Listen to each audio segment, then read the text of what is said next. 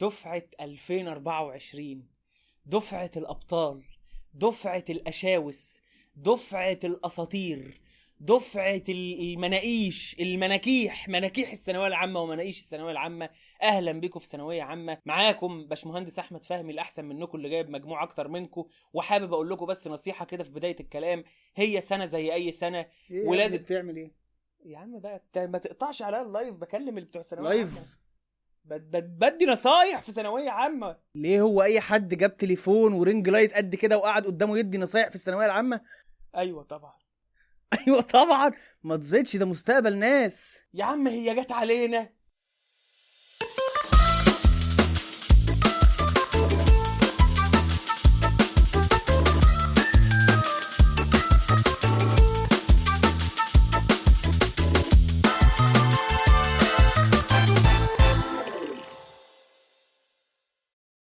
والله يعني ال- الواحد من صعبانية نفسه عليه بيضحك. يا أخي حلقة متعسرة تقولش يعني إيه حد تفف لنا عليها؟ الإضاءة تضرب الصوت منيل الكمبيوتر نايم على جنبه حاجة. مشاكل شخصية. ن- آه نبدأ التسجيل من هنا تلاقي إيه؟ يعني الشارع كله بيولد ولادة متعسرة. حاجة وانت ناسي الدبلة وحالتك كرب لا يعني. أنا مداري إيد أهو. وأنا عملت سبوت. اتأخرنا يا عم في الحلقة جداً. دي. اتأخرنا جامد. وأنا اتشغلت. سكرو. آه. مش هقول لك بقى مش عارف أعمل حلقه جنبها مش عارف أعيش جنبها. هي كل كل يوم نفس الحاجة متعب جداً. آه آه متعبة للغاية يعني. بس الحمد لله. الحمد لله على كل حال. الحمد لله. بتقبض كويس بقى في سكرو دي ال- الحمد لله. معانا مين يا أستاذ؟ موضوع إيه النهارده؟ الثانوية. هو في غيرها. الحشانة ورم. ثانوية عامة كل سنة. بس والله دي حاجة متفهمة. يعني دي حاجة متفهمة لأن أنت برضو ب scale طالب الثانوية العامة هي دي أول الدنيا وآخرها بالنسبة لك. فأنت أنت أنت عشان إحنا شايفين الموضوع من بعيد وعارفين اللي فيها يعني ماشي ما تتف... فبنقول عادي. آه ما تتفقش منه بس في نفس الوقت ما تزيدش معاه لأن العيال زيطة زيطة. ما هي بص الواحد كان الأول بيقول ربنا يستر يعني إيه على الكوكب بعد كده بقى يقول ربنا يستر على الوطن العربي بعد كده بدأ يقول ربنا يستر على مصر. دلوقتي بيقول ربنا يستر على البروستاتا بتاعتنا من التضخم من الأجيال ما بعد العولمة اللي إحنا عايشين معاها دي. فظاع الصراحة. أجيال تشيرنوبل وهرمونات الخوخ.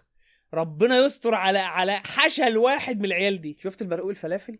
إيه كانت أنا شفته في في مكان مرموق برقوق فلافل مفروض كده شكل أمه غريب. لا أنا شفت الراجل بهيج بتاع السمك ده. والله الباب بيخبط. حسيت إن أنا افتح عليه داخل عليا. بقول إيه بيعمل لي كده.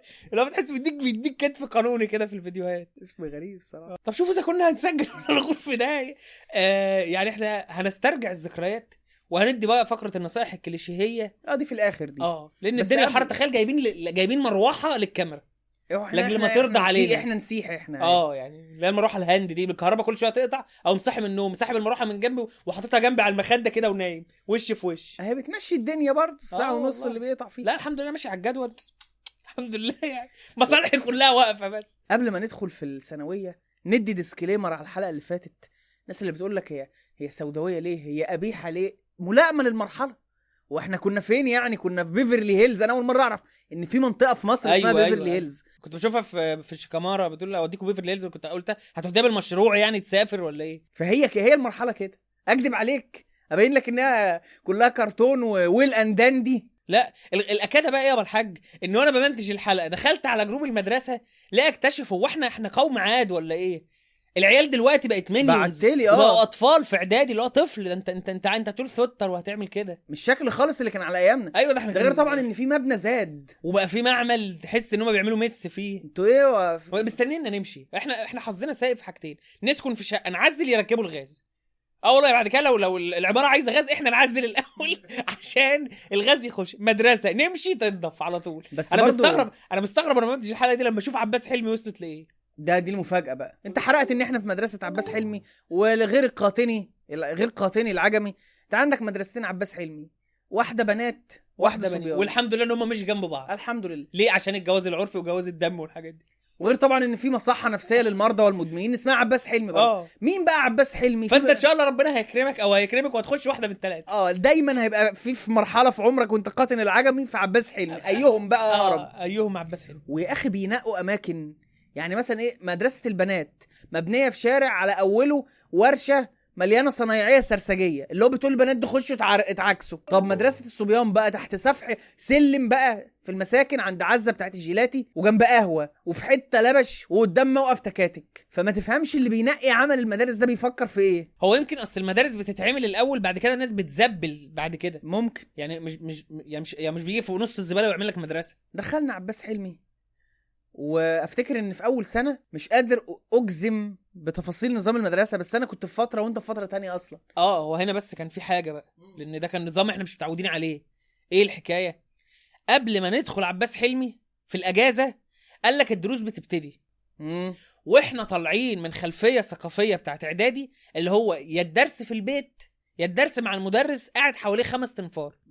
فبيتبلور ده كان موجود بس إحنا ما كناش بنروحه. رحناه في إعدادي بس ما طولناش. فكرة ال center. معهد إحنا كنا بنعمل معهد. معهد. آه center دي بقت دلوقتي يقول لك معهد معهد معهد الجزار. فهنروح مع مين؟ رحنا مع أصحابنا. قال لك الجزار حلو الجزار حلو. طبعا دي الجزار دلوقتي قفل فارس اشتروه تقريبا. مم. بس أنهي جزار؟ في الهانوفيل في جزار بطاش بقى. لا جزار الهانوفيل هو اللي كان فيه الشرح. العيال قالوا لنا هو جزار الهانوفيل وإحنا قلنا إيه؟ آه، نخوض مع الخائضين رحنا يا عم هات جزار الهانوفيل يا عم. رحنا جزار الهانوفيل فاكر نظام المعهد كان ماشي إزاي؟ في البداية قال لك إحنا عندنا أسبوعين مجاني. آه. في عرض مستمر كده عارف اللي هو إيه؟ أربعة كيمياء واثنين فيزياء وخمسة رياضة وكل واحد هي- هيطلع يعمل. نمرته وأنت تنقي بقى. عارف ليه؟ ليه؟ عشان كان المفروض أنت في أولى ثانوي بتاخد ترم أدبي وترم علمي. وكانت الدراسة ما بدا... ما بدأتش. فأنت ما بتعرفش أنت إيه. فأنت بتحضر كله. اللي أنت بتقوله صح إن إيه؟ فيزياء كيمياء أد... آه، تاريخ جغرافيا. إنما كل مادة اتنين تلاتة مدرسين وكل واحد يطلع يعمل نمرته ويشرح نظامه وأنت تختار. آه. وده كان شيء غريب بالنسبة لنا مش عارف الحصة بجنيه وفي كارنيه نتن كده. الحصة بجنيه آه. كارنيه ورق وبعدين حطوا بتاعتين شفافين كده ويكووه فيلزق في بعضه. ما كانش ده الغريب بالنسبة لا لنا برضه. والروش اللي كان يقوم حاطط الكارنيه. وأنا كنت بعمل الحركة دي. أيام ما كانت التليفونات ال- الظهر بتاعها بيتشال. تليفونات التاتش. تحط الكارنيه وت- وتيجي كده عند السكرتير وأنت داخل تقوم مطلع التليفون. طلعها يا لهوي على الروشنة. ما, ما كنتش بفهمها دي. مش ده كمان الغريب بس؟ الغريب إن أنت بقيت قاعد في مك- مكان كبير قوي بقيت قاعد في مكان قول فيه 100 مثلا. وطبعا رسمة السنترات اللي هي إيه يونيفرسال في أي حتة في مصر. صف صف يعني صفين كده أو ثلاثة صبيان فراغ نعدي فيه امال هنركب فوق بعض وإحنا ماشيين. والناحية التانية بنات. دلوقتي اتمدنوا. بقت القاعة توسع لورا زي عروض المصارعة كده. اللي قاعدين ورا دول هيشوفوا زي. شاشة. آه والمراوح اللي هي بتاعت الرز بلبن الكبيرة دي اللي هي مصانع الرز بلبن. ده إحنا ده, ده الغلابة. دلوقتي التكييفات بقى. ما إحنا كان في تكييفات بس تقريبا كان هو لعنة على الدفعة بنت الكلب بتاعتنا دي إن مفيش تكييف ما بينقطش. التكييفات كلها مبربرة وحظك لو قعدت تحته بقى. تبقى متلج وبتكتك والمية بتنقط طب عليك. أقول لك حاجة كمان كنا بنعاني قول لي قول لي قول لي. وتع... واتعالجت دلوقتي؟ يا ريت يا ريت. الكراسي بقت دكك مبطنة كابوتينيه كابوتينيه اللي هو ال... ال... ال... ال... التركواز والبامبي ده. تصدق وتؤمن بالله. لا إله إلا الله. أنا ما قعدت على كرسي مبطن غير في تاني تانية جامعة في, مدرج فارسي في السناتر دلوقتي. يا نهار بقى في. السناتر. فدخلنا ترددنا على معاهد الجزار الهانوفيل وهي معاهد اتقال لنا إحنا ما شفناش حاجة زي دي برضو واضح إن هي إيه آه، ثقافة شعبية كده إن هي معاهد سيئة السمعة من حيث إن هي بتقبل أي حد. بالظبط. فبتخش تلاقي سرسجية وبنات سرسجية وبتبقى عارف إيه مشقطة ومكان للمصاحبة. حاجة زي دي كانت بتحصل في كل ال- السناتر يعني. بس ما تعرفش ليه الجزار كان هو ليه الريادة في حاجة زي دي يعني؟ يمكن عشان هو أول من بدأ أعتقد إن هو أول من بدأ في العجمي. أيوه لا الجزار آه، ليه تاريخ. أمك كانت في الجزار. أنت بتشتمني؟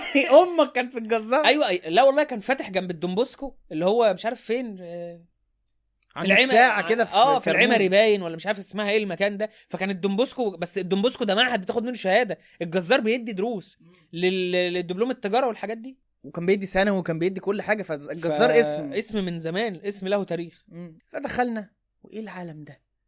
وإيه البنات دول. إيه بص آه. إيه البنات دي؟ بنات بنات كتير من أشكال وألوان وبتبقى بناطيل ملونة أشكال عجيبة. كانت لسه الفمايصه إيه؟ يعني إيه؟ آه كنا بنشهد اللي هو إيه؟ الإكزيدس بتاع الفمايصه من أيوه مصر. في بناطيل حمراء وبناطيل خضراء وبناطيل بيضة. يا لهوي على البناطيل البيضة دي. كان ال ال السنتر المعهد كله يقف على رجل بالمدرسين بالسكرتارية لو على أي بنطلون أبيض. أبيض. عارف إيه اللي ما كنتش أفهمه؟ إيه بقى؟ سواء ولد أو بنت. اللي لابس بنطلون أخضر. يا عم اللوليت. أخضر أخضر زرعي كده. وبعدين كانوا يعملوا بقى هلبس بنطلون أخضر على تيشيرت أحمر شطة وليمون. إيه المناظر ال- ال- الزبالة دي؟ لا وإحنا برضه ده إحنا كان علينا شوية لبس. بص أنا أزعم إن أنا من إعدادي لحد دلوقتي ما بعرفش ألبس. مش من إعدادي هندسة من إعدادية. أي حاجة على أي حاجة وكوتش أبيض. أنا بعد كده البس كوتش ابيض أنا في كوتش ابيض كده costume كوتش ابيض. أنا كنت اتعرضت لموقف هحكيه في اخر الثانوية ده خلاني إيه اهتم بنفسي شوية. تهتم بنفسك وبقى آه. عندي غير تسيبكم بس من بردعة اللي أنا لابسها دي.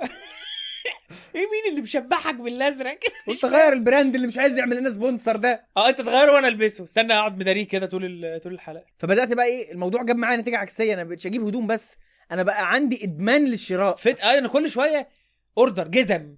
قلت يمكن بيجيب عشان بيتجوز. طب ما ديك اتنيلت بص. لسه بيجيب. الناس عارفة إن لبس البنات أكتر بكتير من لبس ال- الولاد لأنه مليان تفاصيل. بناطيل وحاجات فوق بقى أيا يكن أنت اسمها. بالنسبة لك أي حاجة فوق اسمها بلوزة. بتكتشف بقى مش عارف. وطرح وشرابات و scarf حوارات. ومع ذلك لما اتجوزت تفوقت في بند واحد بس. بند الجزم. ده انت عليك جزم أنا عندي تستاهل ضرب الجزم بصراحة. عارف أنا متبني الفكر الامريكاني أنا عايز أعمل الرفوف عندي في في في المكتب في البيت وأحط فيه ال collection بتاع ال Air Jordans بتاعت أنا ما عنديش Air Jordans بس الأمريكان بيعملوا كده. أنا بقى جزم أشكال وألوان. انت عارف بقى مشكلتك في إيه؟ في الجزم؟ في إيه؟ إن أنت بتنسى اللي عندك بتجيب تاني. آه. يعني مليون جزمة سودا يا ابني ما أنت عندك جزمة سودا وال safety هات أنا أحب ال safety هات أنا الستات اللي بتحس آه. انت راك- لابس دبابة كده. ما أعرفش أحيانا كده بتطلب معايا ومش مرتبطة بفصل. هي ش- الصيف في الحر والقرف طلبت معايا safety كل الألوان أسود بني اللون الأصفر اللي هو بتاع, ال gangsters ده. آه بتاع لعبة باد بويز فمعلي وبعد كده مش آه، أنا عايز flat. flat ات. سادة. وبعد كده لا السادة مش حلوة خلي بالك. لو في مثلا لو في حتة زيادة. بيج ورا فأنا عندي كمية جزم مهولة. إحنا إحنا طلعنا بره الموضوع آه، عشان. أحكي عن نفسي. فإيه البنات دي؟ وإيه وإيه الصبيان دي برضو؟ أنت عارف اللي هو إيه؟ هتخصم تتعلموا. مع مين؟ هتعمل بقى؟ جايين تتعلموا بجد. وسكرتاريا وإيه سكرتاريا دي؟ وما ما أنت مش فاهم إيه كل المعطيات دي؟ ادخل احضر مع ده. انت أنت مفكر إن الموضوع حلو إن الحصة بجنيه أو بجنيه لا أنت واقع عليك عبء إن أنت تختار المدرس عارف اللي هو إيه؟ شريك حياتك لحد ما تخلص الثانوي. فتسمع من ده كيمياء. طب ما أنا ما سمعتش كيمياء قبل كده. أيوه يبدو كويس. أنا إيه يعني ما أملكه من خبرة لا يسعفني إن أنا أعرف مين ده؟ وكل واحد يعمل لك إيه؟ أساسا أنت هتشرح لي أسبوع. يعني ما دخلناش في عمق المنهج عشان أعرفك. تشرح حاجات سطحية وبعدين كل واحد بقى يطلع يعمل إيه؟ ألاعيب شيحة بتاعته ويهزر له الهزارتين ففعلا أنت بتلاقي إن الأسبوع ده ولا اي لازمة. بتروح تسأل واحد مثلا أخو صاحبك الكبير أروح مع مين؟ أروح مع مين؟ كذا وكذا وكذا. فالمهم يعني العالم ده بيبقى mesmerizing بالنسبة أيوه لنا. وبعدين إحنا ما كناش مركزين قوي لأن بحق ربنا الدراسة لسه ما بدأتش. فإحنا بنروح بس نتفرج على فقرات ونشوف. خلاص مش مشكلة بقى. ونروح نلعب PlayStation. أيام PES 13 اتعلمنا بقى كانت هي PES 13 الشيء. وكانت 14 لسه ما نزلتش. 14 دي يعني لعبة في المزابل الصراحة عمري ما حبيتها. PES 13 و glitch مارسيلو اللي تيجي من نص الملعب تقوم رافعها تيجي جون ما تفهمش إزاي. أيوه لو تعدي خط النص آه، الجون بتاع الفريق التاني بيطلع لوحده. وبالذات لو بتلعب بالبايرن بتلاقي نوير واقف في نص الملعب حرفيا. أنت لا والباتشات بقى. في باتشات في اللعبة كانت مخلية اللع- اللعيبة كلها 99 فاللي هو قلبت بيه السته بتاعت ال PlayStation. سنترت shoot جون. هو NBA قوي. لا ونظام الفاولات بيغيظني يعني أنا الناس اللي متابعانا على قناة ال gaming الكام فيديو اللي لعبنا فيهم على قناة ال gaming آه. آه ال- ال- الكام فيديو اللي أنا ظهرت فيهم في قعدة سايبر؟ قعدت لا، سايبر أنا- السلسلة اللي كنت حاطط عليها أمل بس فشلت. لا يعني إحنا بقى لنا ياما ظروف شخصية بقى عند كل الأطراف. المهم. ال- لو حد بيشوفنا هنا وما يعرفش إحنا بنعمل إيه هسيب لك من ال i اللي فوق قعدة سايبر خش اتفرج هتشوفنا أكتر. لا يعني بتقدروا تشوفوا إن أنا أنا بلعب فاولات حلو. آه دي حقيقة. من مسافات مختلفة. إني أفهم نظام الفاولات بتاع PES 13 ده. والموديلات عارف انت إيه؟ اللي هي العاب الم- النص التاني من آه، الألفينات. أيوه. تحسها إيه مثلا؟ ال blacks زيادة و HDR بقى أنا كنت بلعب بالبايرن. كنت أنا بال- أنا مانشستر سيتي من 2013 لحد دلوقتي. أنا ما أعرفش أنا قال لي البايرن حلو. وفي لاعب اسمه روبن واحد اسمه ريبيري وشفينشتايجر وليفاندوفسكي. واديها ألعب بالبايرن. إحنا نروح ايا كانت الحصة ننزل نلعب تحت. وساعات كنا نلعب المصارعة 2004 ده كده كده. ده أساسي ده, من ده لازم. ده ده, ده يعني إيه؟ الطقوس. آه. وساعات بقى كنا بنروح سايبر في طلعت مصطفى.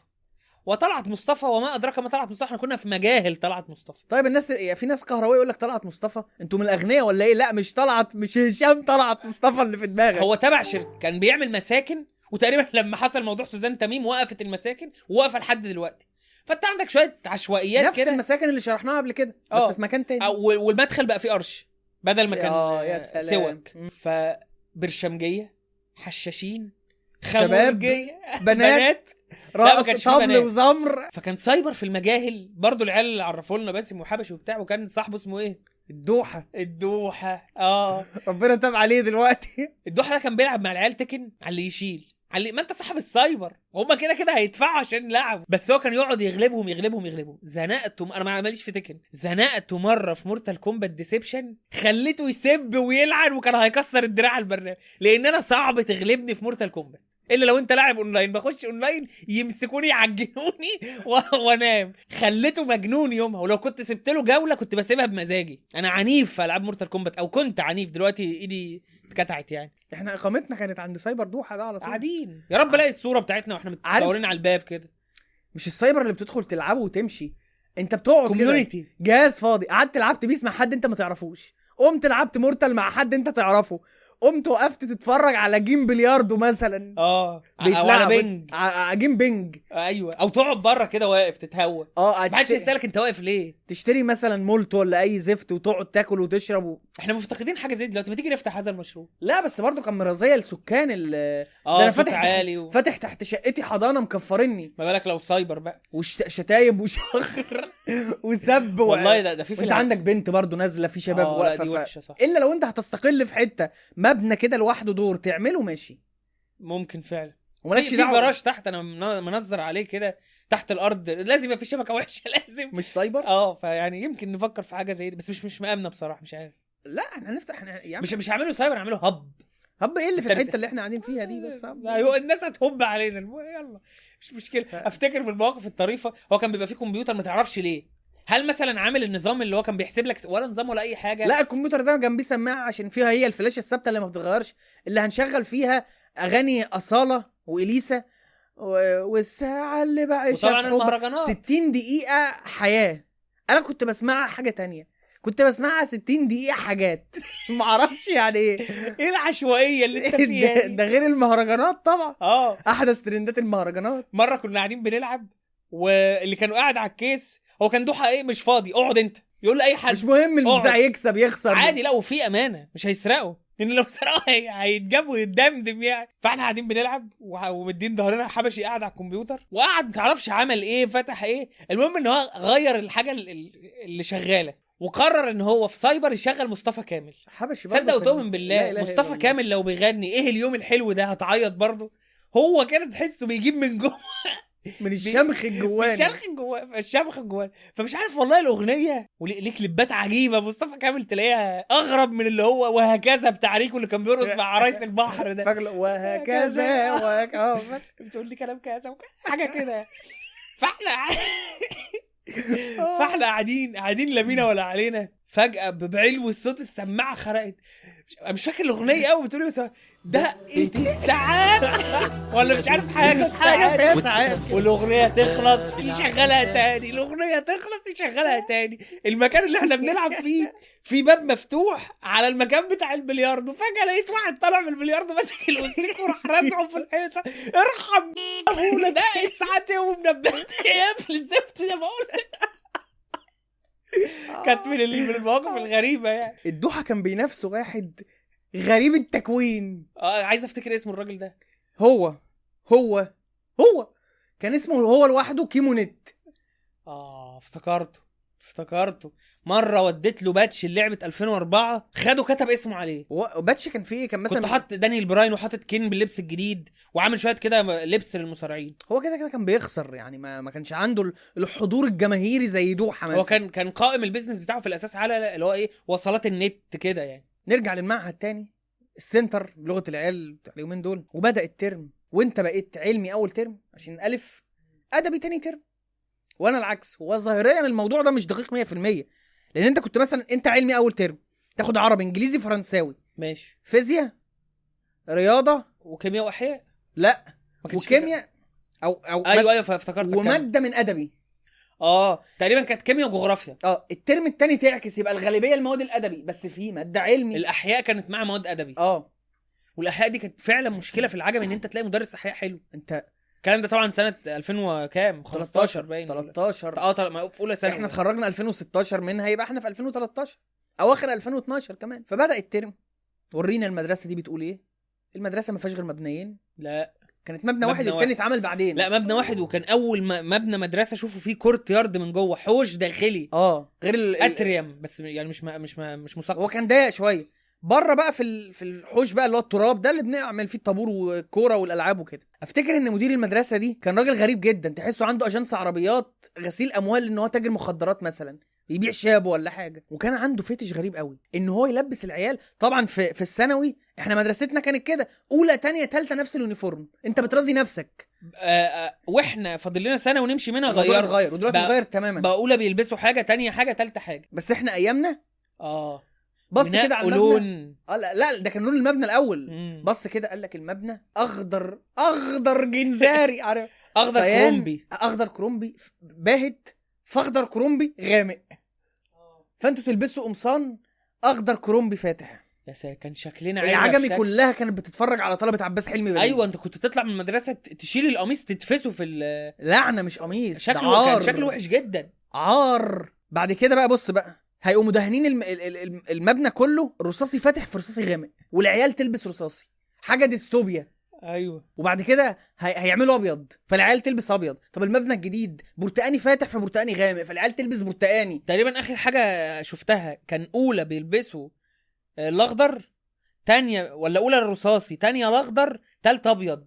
وفي في لبني. في الموضوع وفي لأ حاجة كده يعني عك- عك. متغيرة جدا يعني. آه. الإعدادية لحد دلوقتي في مدرسة اللي إحنا كنا فيها ابتدائي زاد لون مثلا إنما الأصل موجود وكذلك الإعدادي إنما الثانوي كانت كل يوم كذلك الابتدائي الابتدائي بقى والتيشيرتات.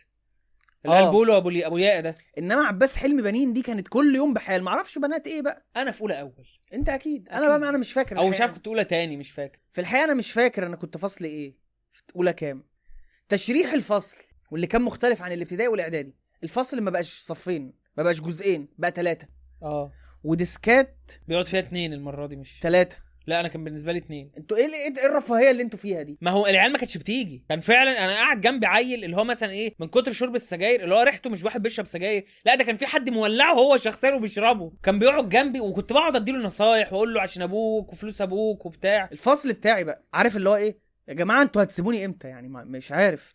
من ستة ابتدائي أولى إعدادي تانية إعدادي تالتة إعدادي شلة المحمدات والمحمودات دي. أنتوا قاعدين معايا على طول. عارف مين جنبي؟ مين؟ حبشي. تاني. مين جنبنا؟ سعداوي. سعداوي. اللي هو هو نفس الطقم بتاع إعدادي. سعداوي ده اتعرفت عليه في إعدادي بمنتهى الغرابة. كان طفل مليان شوية تختوخ شوية. وشعره آه، بني وعينيه خضرة بس مش زي أحمد عبد الهادي. بني مصفر كده. آه كان في يعني. غلظة. أنا ما اعرفوش فأنا مرة طالع من الإعدادي عديت الرصيف وبوقف أي مواصلة تروحني البيت. لسه هركب. حطيت عارف اللي هو إيه؟ خلاص هشوط وأجيب الجول خلاص هحط رجلي وأطلع. لقيت حد قام ساحبني من كتفي كده وقام مرجعني لورا وركب هو. يا سعداوي هتخلينا نغيب عليك ليه؟ ما ده بداية التعارف. أنا أنا وقفت كده. أنا مش مدرك إيه اللي حصل. وتقولش السواق كان مستنيها. التاني ركب من هنا وقام جاري. رحت له تاني يوم. قلت له انت إيه اللي انت عملته ده؟ مش فاكر إيه الحوار اللي حصل المهم اتصاحبنا بعد كده. ما هو سعداوي انت أقول لك حاجة؟ قول لي. مكتوب على ورق الحلاوه محبة اللي بعد عدد. سعداوي انت تشوفه بيضحك؟ لو ما صاحبتوش يبقى عندك مشكلة. بس فعلا هو ليه سمت كده من بره آه. كشر آه، وماشي كده. أو أنا بحب الكلام ده استنى احاول اقلده عشان بقالي فترة ما شفتوش يا رب كنت تشوف الحلقة دي يزعل يا رب يزعل يا رب تزعل يا سعداوي. بقول لك يا محمد فهمي السندوتش اللي معاك ده. بس لما بيفتح بيبقى مسخرة آه ما بيضحك ضحكته زي أول العسل. واحد أثبت لي إن أنا دمي خفيف لأن هو كان بيضحك على أي حاجة أنا بقولها وده كان بيديني ثقة في نفسي المهم عارف أنت أنا؟ أفتكر في رمضان اللي هو بتاع ثانوية عامة رمضان بتاع الامتحانات اللي كان بي... مش فاكر سنة ك- 2016 تقريباً، إحنا آه. امتحان- كان بيتعرض فيه مسلسل طاقة نور مم. اللي هو جون ويك تحت السلم هاني هاني سلامة كان اسمه ليلى عبد السلام فكان في ممثلة كده طلع اخته اسمها جيهان مش عارف إيه. حاجة رب استغفر الله العظيم. كانت مجننة دماغ سعداء سعداوي. اتصل بيا بالليل يحكي لي عنها اللي هو غريب في جدا. إيه يا سعداوي أنا مالي. لا هو تستاهل بصراحة بس يعني ما بس تكلمنيش مش راجل. تكلمني بالليل تحكي لي عليها هقول لك إيه وأنا سعداوي. خالها. مش عارف. فالمهم عارف اللي هو إيه؟ ال duet ده إحنا الت... التريو ده. إحنا الثلاثه قاعدين. طبعا لك ان تتخيل. أنا كنت رفيع وحبشي رفيع. وسعداوي ما شاء الله ربنا يديله الصحة. يا عم حتى من غير سعداوي إحنا الاتنين ما نقعدش في البتاع ده. سبحان الله كنا بن... كنا بنمشيها. ثلاثة آه. كنا بنقعد إحنا الثلاثه كل واحد شنطته تحت منه. سندوتش حوالي spread آه حلاوه spread مش spread. شوف على رأي مسرحية حكيم عيون اللي مأثر علينا قوي. لبست جاكيت الكريم. بص هي تقول لك كريم إحنا نقول إيه جيل نقول فوزلين. حلاوه سبريد آه. آه. فانت قاعدين في الحيز ده لا وشنطتك تحتك وبنعملها إزاي دي يا أولاد اللعيب وتطلع الحاجة من الشنطة وتكتب وتحل وتز فقاعدين إيه المواد بقى؟ العربي ماشي. بس ما ت... ما... لا تغفل إن إحنا كنا فاقدين الاتصال فترة كبيرة من المدرسة. المدرسة أنا بكره المدرسة. المدرسة مش طبيعية في يعني صفر فهم. يعني هتقول لي مثلا إيه المدرسين ما بيشرحوش عشان يوفروا في الدروس إيه كلهم حرامية؟ مفيش واحد عدل. كان كان فعلا كلهم ما عندهمش شغف. واللي بيشرح فيزياء تحسه بيشرح فيزياء أوروبا في القرون الوسطى. لسه هنمسك الشوكة الرنانة ونقعد آه. نعمل بيها كده. في إيه يا بيه؟ أيوه ولسه هنحط أم الصوديوم في المية فيعمل بوم. هي دي الكيمياء. المدرسين كانوا فاقدين الشغف بشكل مش طبيعي. ليه؟ أنت دخلت ثانوية عامة بقى مرحلة أرزاق. هم ثلاثة أربعة في كل مادة اللي بيبقوا ملعلعين في المنطقة. في الدروس بتاعت ثانوية عامة والباقي مش شغالين. عيال اليومين دول ما يفهموش الم- المصطلح ده. ليه؟ لأن هم بيتعاملوا مع ال nationwide teachers آه أنت دلوقتي مدرس في البدرشين يشرح لجمهورية مصر كلها اونلاين مثلا. يعني في مستر محمد صالح بتاع الأحياء؟ ده أنا شفته live بقى قبل ما يتشهر أيوه أيوه بالظبط. اللي هو إيه؟ الموسوعة في الأحياء. الموسوعة في الأحياء. إحنا بنجد صعوبة في العجمي وفي معاهد الجزائر إن يبقى في مدرس أحياء عدل. فجبنا تريو كانوا الثلاثه أصحاب. مستر عمرو الغزالي فيزياء. الله يرحمه آه، محمد عبد المنعم كيمياء. توفاه الله. آه الله للاسف يرحمه. ومحمد مستر صالح محمد أحياء. أحياء. ال three musketeers أيوه بالظبط. فاللي هو هو كان شخصية عجيبة كده. وصوته ف- كده يعني أجش كده. أيوه كان هو الوحيد اللي بيتكلم بال... بالمايك اللي في السماعة ده. ومعاه واحد مساعد أنا اتخانقت مع المساعد ده ما كنتش أحبه.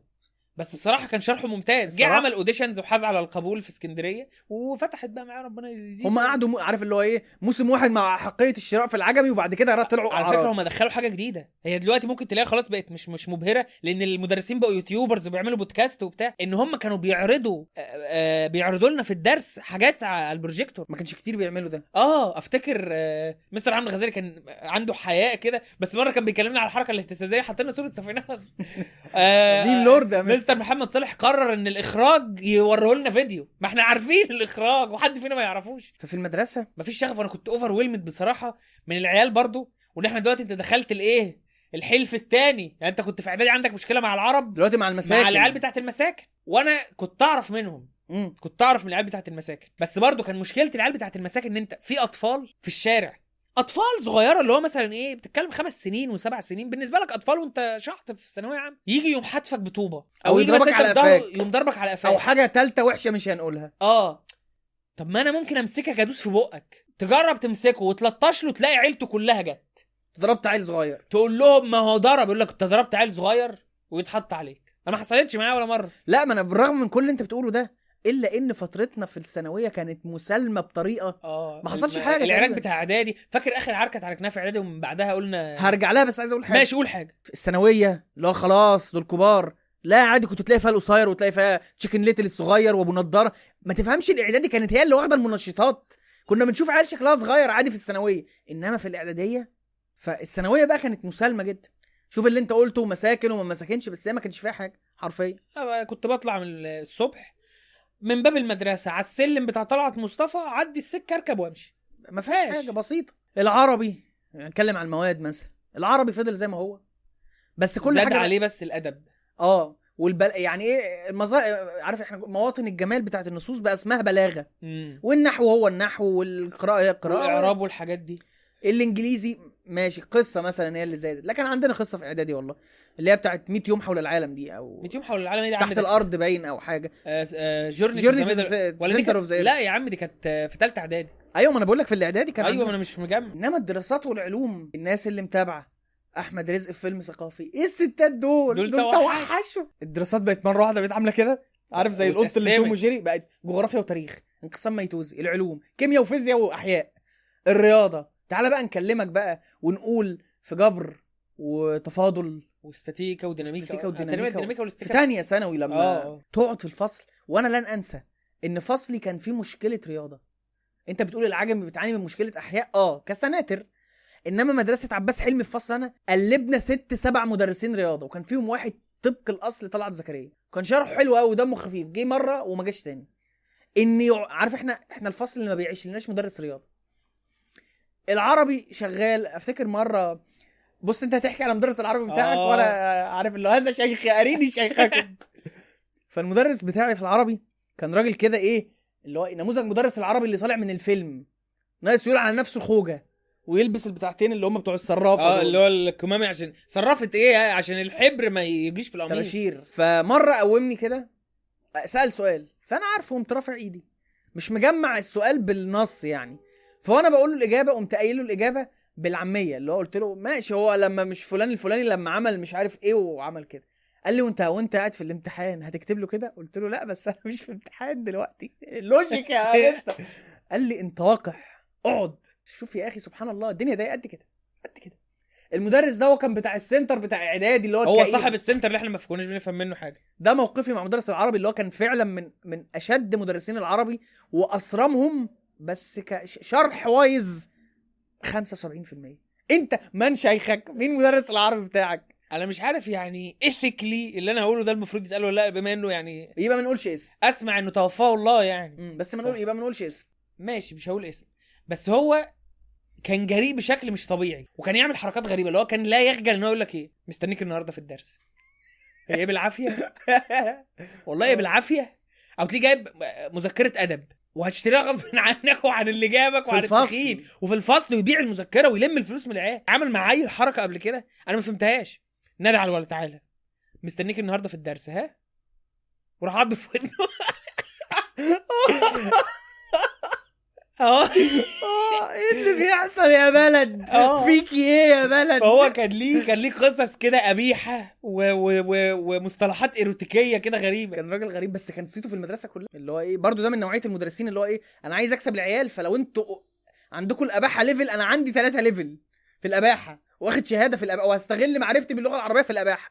وكان في مستر كمبيوتر. كمبيوتر إيه؟ هج كان تحسه بلطجي كده وكان للغرابة فاتح center mediocre مشغل فيه زمايله. امم كان رحت على- لل center ال mediocre ده؟ مفتوح مكانه سايبر دلوقتي. فوق عزة ورا عزة آه, كده. آه. صاحب وصف يعني بس أنا شايف إن الوصف ده بيوصف بيوصف الجيل اللي طالع. اللي هو أنت عامل عليا أنا راجل؟ ده أنا ألبسك أنا ما بحسش بيك. كان آه ده أول مرة أسمعها من حد. لما هاتوه علقوا على باب ال آه وبعدين آه كان بيعمل حركة غريبة. عيال بتتكلم مثلا. بص المدرس اللي بي اللي بيستعين بس- ب- بالعيال الصايعة بتاعت المدرسة فيقوم جاي مثلا عيال سرسجية معدين يا مستر! يقوم مسلم عليهم ويبص اللي بتوع الفصل بص أصحابي بص أصحابي عاملين إزاي؟ لو زقتهم عليك هيمسكوك يخيطوك. الراجل ده برضه كان صاحب حاجة بيستغ... بيستعين بميليشيات. آه كان عنده ميليشيات. مرة قاعدين في الفصل فقرر إن هو يستلم واحد من غير ما يعمل أي حاجة. ويهزر معاه هزار يعني وحش. الواحد ده أبوه حلاق عنده مح... صالون حلاق حاجة ما, ما تضرش حد. فقرر إن هو يخليه سلاوه الحصة كلها ويقول له يا حفاف يا ابن الحفاف. ليه كده يا مستر؟ يا أخي ده والله العيال أجيال ما قبل ال traumatized الراجل ده أعتقد إن هو معاه ابتدائية مثلا. تعالى اشرح للعيال كمبيوتر. لا إزاي تغير الخلفية؟ عارف عارف أول ظهور لمازو في مسلسل اللعبة أول خالص اللي هو إيه؟ أنكر. الله عليك. امشي. اللي بعده انكر. فعارف اللي هو ده أنا كنت اقعد قدامه اكتب. أنا بكتب بسرعة بقى بحكم اللي مش عارف إيه. كان هيعبدني مثلا في حاجة زي دي. خليني النائب بتاعه. الإنجليزي ملوش ذكريات خالص في الم... مدرسين الإنجليزي ملوش لا أنا ليا ذكريات. كان في مستر كده حركته غريبة وصوته غريب. تحسه بيتكلم كده إيه؟ أنت يمكن مش فاكره. يعني هو هو صوته كان مبحوح كده. آه! آه! وبيتكلم مش عارف مش والله مش إهانة والله. بس هو كان كلام أقرب إلى النباح. للأسف الشديد والله ما اهانه بس هو كان فعلا دلوقتي افتح ال workbook وهتلاقي مش عارف إيه حاجة كده يعني. أنت إيه coach gym يا مستر؟ مش عارف حاجات. لا أنا على عكسك. ولو كان ملتزم قوي هنطلع ال... ال... كان في ال workbook والتاني إيه؟ ال student. اللي هو بالألوان والأبيض وأسود. ال student ده والله العظيم أنت لو جبت مجلة حلاقة هتبقى مفيده عن ابن الجزمة. ولا ليه أي لازمة كله نقط. املي املي. وإحنا فاهمين حاجة لاجل ما نملي هنطلع ال... ال... ال workbook ونعمل مش عارف إيه. آه،. وكان إيه لو قلت له إحنا تقريبا كان بيفهمنا من ال student book ويخلينا نملي الفراغات ونحل التمرينات بتاعت الدرس في ال workbook. عظيم بيمين. لو جودت وكتبت كلمة غير اللي كانت في ال student book ما بيحلك. هو بقول لك إيه إحنا ملصمين الكلام في دماغنا كده. أنا على عكسك ما عنديش ذكريات مع مدرسين الإنجليزي إلا ذكرى واحدة. إن إحنا كان عندنا مدرس شبه أحمد مكي لو فضل ساكن في الج... في المطريه ولا الحتة اللي هو منها دي. مش هقول اسمه بس هو كان ليه يعني لو لقب. قلت اسمه حد هيعرفه. كان ليه لقب. هقول حاجة واحدة. إن اللقب بتاعه ده لقب حبيبنا. المدرس ده أول ما نفجر كلمة هي صح صح بس مش كده. مش بالطريقة دي. الوحيد اللي كان بيقول لك I was was I was playing أنا فاهمك. هي مش was بس أكيد مش was فكنت بستغربه جدا. دي الذكريات الوحيدة اللي عندي مع الإنجليزي. أنا ليا ذكرى اللي هو كان الأول وإحنا في ابتدائي كنت بشوفه فاتح محل أدوات كمبيوتر لا كيبوردات مش ده. مش ده؟ ده ده مستر Twist. مستر Twist. أنا أطلقت عشان كنا بناخد Oliver Twist. ليه؟ يدخل الحصة. طبعا ولا كراسه تحضير ولا حد هيراجع وراك أنت شرحت إيه ولا خلصت إيه. قاعد فاضي؟ إحنا نشرح قصة. فأطلقت عليه كذا twist. ما أنت بتشرح. الراجل ده اللي هو يعني حرام حرام. اللي عداك من آداب أو من تربية إنجليزي أو من ألسن أو أيا كان. مش كده. ما بقولكش أنت يا عم بس مش كده. I was furious اتفرج على فيلم Fast and Furious إيه furious دي؟ ما هو هو مركز. نفسك. هو مركز في الكارير بتاعه يعني من عمل نقلة ما بين آه الأدوات الكمبيوتر الكيبورد والسماعة والتجميعات والحاجات دي. أيام ما كانت التجميعات هي هي الكمبيوتر جاي هتجمع في امه وهو جايب تجميعته. واخد بالك؟ بعد كده دلوقتي هو استقر إنه فاتح مكتبة. ربنا يكرمه. ولا زال مقيد في المدرسة. آه واشتريت من عنده مسدس شمع معايا لحد دلوقتي. بقى المسدس بقاله سبع سنين معايا دلوقتي. الجغرافيا شفت نموذجين والاتنين اساميهم على الأكل. يعني اساميهم أكل. مستر قشطة ومستر عجوة. أقسم بالله ما بهزر. واحد اسمه حاجة قشطة واحد اسمه حاجة عجوة. طب أعمل إيه يا بيه؟ إيه الكوليسترول ده؟ جدير بالذكر. خلاص اتكلم أنا اتكلمت كتير فعلا. مستر قشطة وأنا مش بتريق عليه هو اسمه حاجة قشطة بس أنا مش هقولها مع ان هو أشهر في حد يعني ماشي. كان طيب جدا. و... و... وعارف اللي هو إيه؟ هو أنا هموت إمتى؟ أنا جاي كده. وراجل يعني راجل طيب كده وكيوت كده و... وكنت بس تديله مساحته ويتكلم. يتجلى. هو صاحب التشبيه أو الجملة اللي أنت لما قلتها الناس افتكرتك كافر. آه. فهمتها غلط أنا قلتها في خالص. الجانب الأسود تقريبا. آه. آه. فهو كان بيقول لك إيه؟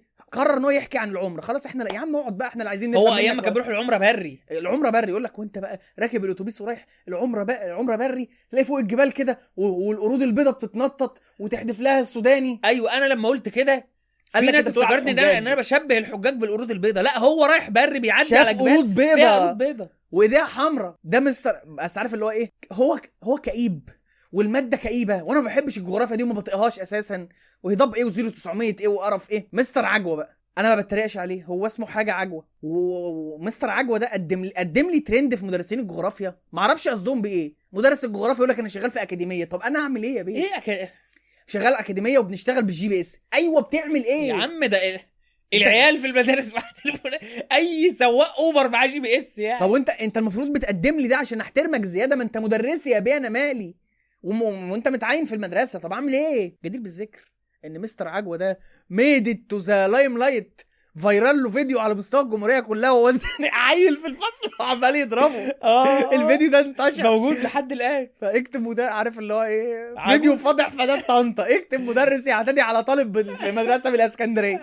هيطلع غالبا سبب العركة دي إن هو استخدم اسمه ضده. آه. دي وحشة دي بصراحة قلة أدب يعني. عيل لمامه بس في طرق لل مش إن أنتوا إيه أنت ناي... انت حرفيا دول كانوا ناي... ده نايمه عليه وزرع في التخته وهاتك يا تلكيز آه. دي جغرافيا وذكرياتي معاه. الفيزياء بقى الفيزياء أنت عندك ذكريات في الفيزياء؟ في الفصل عارف. إحنا لسه ما رحناش السنتر. هنرجع للسنتر تاني. هي المدرسة كلها ما كانش فيها غير مدرسين فيزياء؟ ما فيش ما ما عندهمش فيزياء يعني واحد منهم كان مقتنع إن هو هيلخص الكهربائية كلها في صفحتين آه ده غريب قوي ده زي إسلام البحيري قال لك علم الحديث كله في مطويات كده آه. حاجة وسخة يعني والتاني اللي هو مش مش مش عارف بجد ولا إزاي لأن أنا برضو للأسف توفاه الله برضو و- و- وللغرابة توفاه الله صغير صغير في السن يعني ش- شباب يعني بس هي هي بتبقى أعمار وبيد. الله يعني. هو كان راجل غلبان عارف لما تحس راجل ملوش حاجة في الدنيا خالص وهو على قد الكلمتين بتوع الكهربية والجهد والحاجات دي وياخد يقول الحاجة كده. يعني حتى ضحكته ما كانش لها صوت. كان بيصعب عليا جدا. والله العظيم ذكريات حزينة الله جداً. يرحمه أنا برضو كان بيصعب عليا جدا. التاني بقى ما في المدرسة دي ما ما تشوفش غير اتنين في الفيزياء. التاني كان مدرس كان برضو زي مدرس العلوم بتاع الابتدائي. هو من الأرياف وجه عاش في اسكندرية شوية بس المرة دي اللي يختلف عليه إن هو كان يعني مسيحي الديانة. وده لم يؤثر في شيء الوحدة الوطنية تمام. المدرس ده برضو زي ما أنت كنت بتقول بس مش بغلب بقدرة. اللي هو ده اللي عندي. هو ده اللي عندي وهي دي الفيزياء اللي بعلمه لك بره حمير. كهربية إيه وما كهربيتش هو كان كده. وحصل مرة إنه عمل موقف غريب قوي. الراجل ده أنا كنت حاطه في دماغي الصراحة. مع اني كنت طالب أنا كنت طالب مؤدب جدا. حرفيا كتب لنا رقمه بتاع الدروس. اللي هو أنا والمستر التاني مستنيينكم في المكان الفلاني. عارف مدرس الكمبيوتر اللي إحنا قلنا عليه؟ عنده. ورحت له كده وسمعت الشرح. والله لو جبت الولد بتاع شارع العلوم لا يشرح أكتر. أحسن فيزياء منه فالحمد لله ما كملناش. فكانت المدرسة يعني إيه مستوى في الفيزياء مش قد كده. ده غير إن أنت طلع عليك دخل عليك بقى إيه فرنساوي وإيطالي وألماني. إحنا كنا فرنساوي. وكان في ناس اللي بتتفزلك اللي هو بيقول لك أنا اخترت ايطالي هتعمل إيه بأمه يعني؟ لا أصل كانوا بيلعبوها إزاي؟ يقول لك ده ما اتخدش في الإعدادي فمش هيدوسوا يعتبروا معانا إن إحنا ألف ب من الأول. آه. إنما فرنساوي والله ابدا ده إحنا عن- كان عندنا مدرس الفرنساوي بتاع السنتر ربنا يكرمه كان كل سنة بيشرح الفرنساوي من الأول تاني. دي حقيقة دي حقيقة. ده أنا وفي س- المراجعات يشرح الأساسيات. خلاص لا خلاص يا مستر الامتحان فاضل عليه ثلاث أيام. طب ما نقت... إيه رايكم نجيب اللغة من الأول؟ آه. فكان أنا جبت 40 من 40 في الفرنساوي. أنا جبت 39 عشان اسم الفاعل يا بيه. كان اسمي فعلا كان اسمه كو باين ولا آه كانت إيه. اسم مفعول أو اسم فاعل. أصل الامتحان اتسرب قبلها وأنا الله ان أنا أبص في امتحان. أنا يعني داخل بمجهودي. لو فيا كده؟ يا عم لا لو جبت صفر فهو ده بمجهودي لو قفلت فده بمجهودي. مش العربي اتسرب وأنا وأنا على الباب. ما إحنا ما جايين بصيتش ل- فيه. ما إحنا جايين للامتحانات. فقلت بص دخل علينا. بص الشيطان بقى عليك. طب ما أنا أغلط في السؤال قصد عشان المصحح ما يفتكرنيش ناقل من التسريب. بالحديث عن الفرنساوي. كان عندنا مدرس جيمك مدرس جيمك شخصية زي الأندرتيكر كده. شكله تحسه دكتور مثلا في فيلم بالألوان الطبيعية دكتور في فنون جميلة. سريالي قوي وكان اسمه كذا كذا باروكا لأن هو شعره سايح ونايح وحاجة رهيب رهيب. الراجل ده كان يعني من قلائل المدرسين الفرنساوي اللي أنا قابلتهم في حياتي اللي بيتكلم فرنساوي. يعني بيقول صح بينطق فرنساوي صح وده خلانا ما نفهموش. بس كان كبير في السن. المدرس ده برضو من تجلياته جملة شهيرة إحنا لسه بنستخدمها في الوسط بتاعنا لحد دلوقتي اللي هي جراية ولا ده ابني. ويقفل ويعمل ايده آه كده كده آه. إحنا حكينا الموقف ده قبل كده. حاسس إن أنا قلت حلقات- ده ديجافو ولا إيه؟ ممكن. أو في أحد حلقات قعدة سايبر. في قعدة سايبر الأخيرة. آه. مع باسم. لما جبت جون بدي بروين ناكل شوت ارجعوا شوفوا الناس تتفرج بقى. اللي هو كان واقف في الهانوفيل اللي هو ميدان عام يعني فيه تنيات ومشاريع. ومعاه واحد فرنساوي. سايب الشانزليزيه. وجاي في الانوفيل وجاي تقف في الهانوفيل. مش ه... مش هراجع وراك يا مستر. إن أنت كان معاك واحد فرن... واحد فرنساوي في الهانوفيل. دي نكتة زي واحد صعيدي كده. الكلام ده كان إمتى؟ أيام ما كان مثلا عمرو دياب بيعمل حفلات في العجمي؟ لا لا لا ده قبلها من سنتين. إحنا في 2013 يعني في قبل الثورة. كان معاك واحد فرنساوي. وابنه عمال يعيط. ابن المدرس عمال يعيط. فقرر المدرس اللي هو مسكت الولا فشخته ضرب. وقعد يعيط فالناس اتلمت. بصيت لهم وقلت لهم جراية ولا ابني طب اللي انت قلته ده إيه مسببه في الحصه ليه بتقول لنا حاجة زي دي؟ فبرضه ده كان جيمك قوي. كان جيمك عارف شبه مين بالظبط؟ هو جه على بالي كده دلوقتي. مسرحية الواد سيد الشغال. الحفلة. كان في راجل قصير معاه راجل عامل ست مراته طويل. الراجل القصير ده بقى اللي هو كان طالع سفير في في الزعيم. أحد السفراء. تلاقيه قصير كده ولابس نظاره وشعره على جنب. بس التاني كان طويل شوية. نخش بقى على الملاحم. التاريخ. تاريخ. أنا مش فاكر مين كان بيدينا تاريخ. أنا فاكر مدرس جدا أنا حصتين العيال كفرته في حياته سابنا وراح عباس حلمي يا بتاعت المجانين يا بتاعت البنات. مش فاكر بس أنا اللي أعرفه إن هو راح في حتة. اللي حصل معاه موقف بصراحة يلا. قول الموقف أمال إحنا قاعدين بنحكي في إيه؟ هو راجل دامس الخلق جدا والقميص في البنطلون عارف عارف اللي كانوا يدخلوا القميص في البنطلون ويقوم مطلع منه حتة كده كورنيشة؟ بيت نور هيحط فيه ليد بعد كده. اللي هو في في دور وجايب شنطته ومعاه لاب ما تعرفش ليه. معاك لاب في إيه؟ في, مدرسة أعظم حاجة فيها الخلاط. لاب إيه بس؟ فقاعد بيشرح وهو في حالة هدوء تام وفي عيل اسمه صامويل. الولد ده مش هادي. وبجح. بيقوم يقعد من حتة للتانية. اللي هو يبص له مرة ويكتب على السبورة. كان بيشرح لنا تاريخ وأنا ما كنتش محصل بصراحة بس بعمل كده. يا ابني والولا مش هادي عمال يفرك ويقعد هنا ويقعد هنا وينط هنا. فجأة الراجل تحسه طلع من سمته وطلع من من من الطيابة والكياته بتاعته وطلع حتى من تون الصوت بتاعه وراح لافف اطلع يا ابن بره! بعد كده هدي و- وفعلا عارف إيه؟ بقى بروكن آه والله اللي هو الشخصية بتاعته بقت بروكن جاب الولا واعتذر له وقال أنا آسف إن أنا شتمتك. مع إنك تستاهل بصراحة. قال له أنا آسف إن أنا شتمتك وبتاع وانهى الحصه جه الحصة اللي بعدها وهو بروكن وبعد كده ما شفناهوش تاني. تحس فعلا الموقف أثر عليه. كده فاضل إيه تاني؟ إحنا قلنا. الجغرافيا. آه بمناسبة بس قبل ما- نغفل الجغرافيا مستر قشطة. أنت طبعا ما شفتوش بعد ما خلصنا. هل تصدق لو قلت لك إن أنا فضلت أشوفه لحد من سنتين؟ عند الحلاق تقريبا. عند محمد حلاق اللي في المساكن؟ محمد حلاق اللي في المساكن ده كان صالون ثقافي. بنقعد بنتكلم في كل حاجة بنتكلم في العلم في الأدب. وأنا إيه؟ أنا بالنسبة لهم النوارة. أنا الب... الباشمهندس. وأنا كان عندي كانت ثقافتي شعبوية بشكل أنت لا تتخيله وقتها يعني. فكنا بقى بنقعد بنتكلم وبتاع. وهو كان دايما قاعد على باب المحل عامل كده.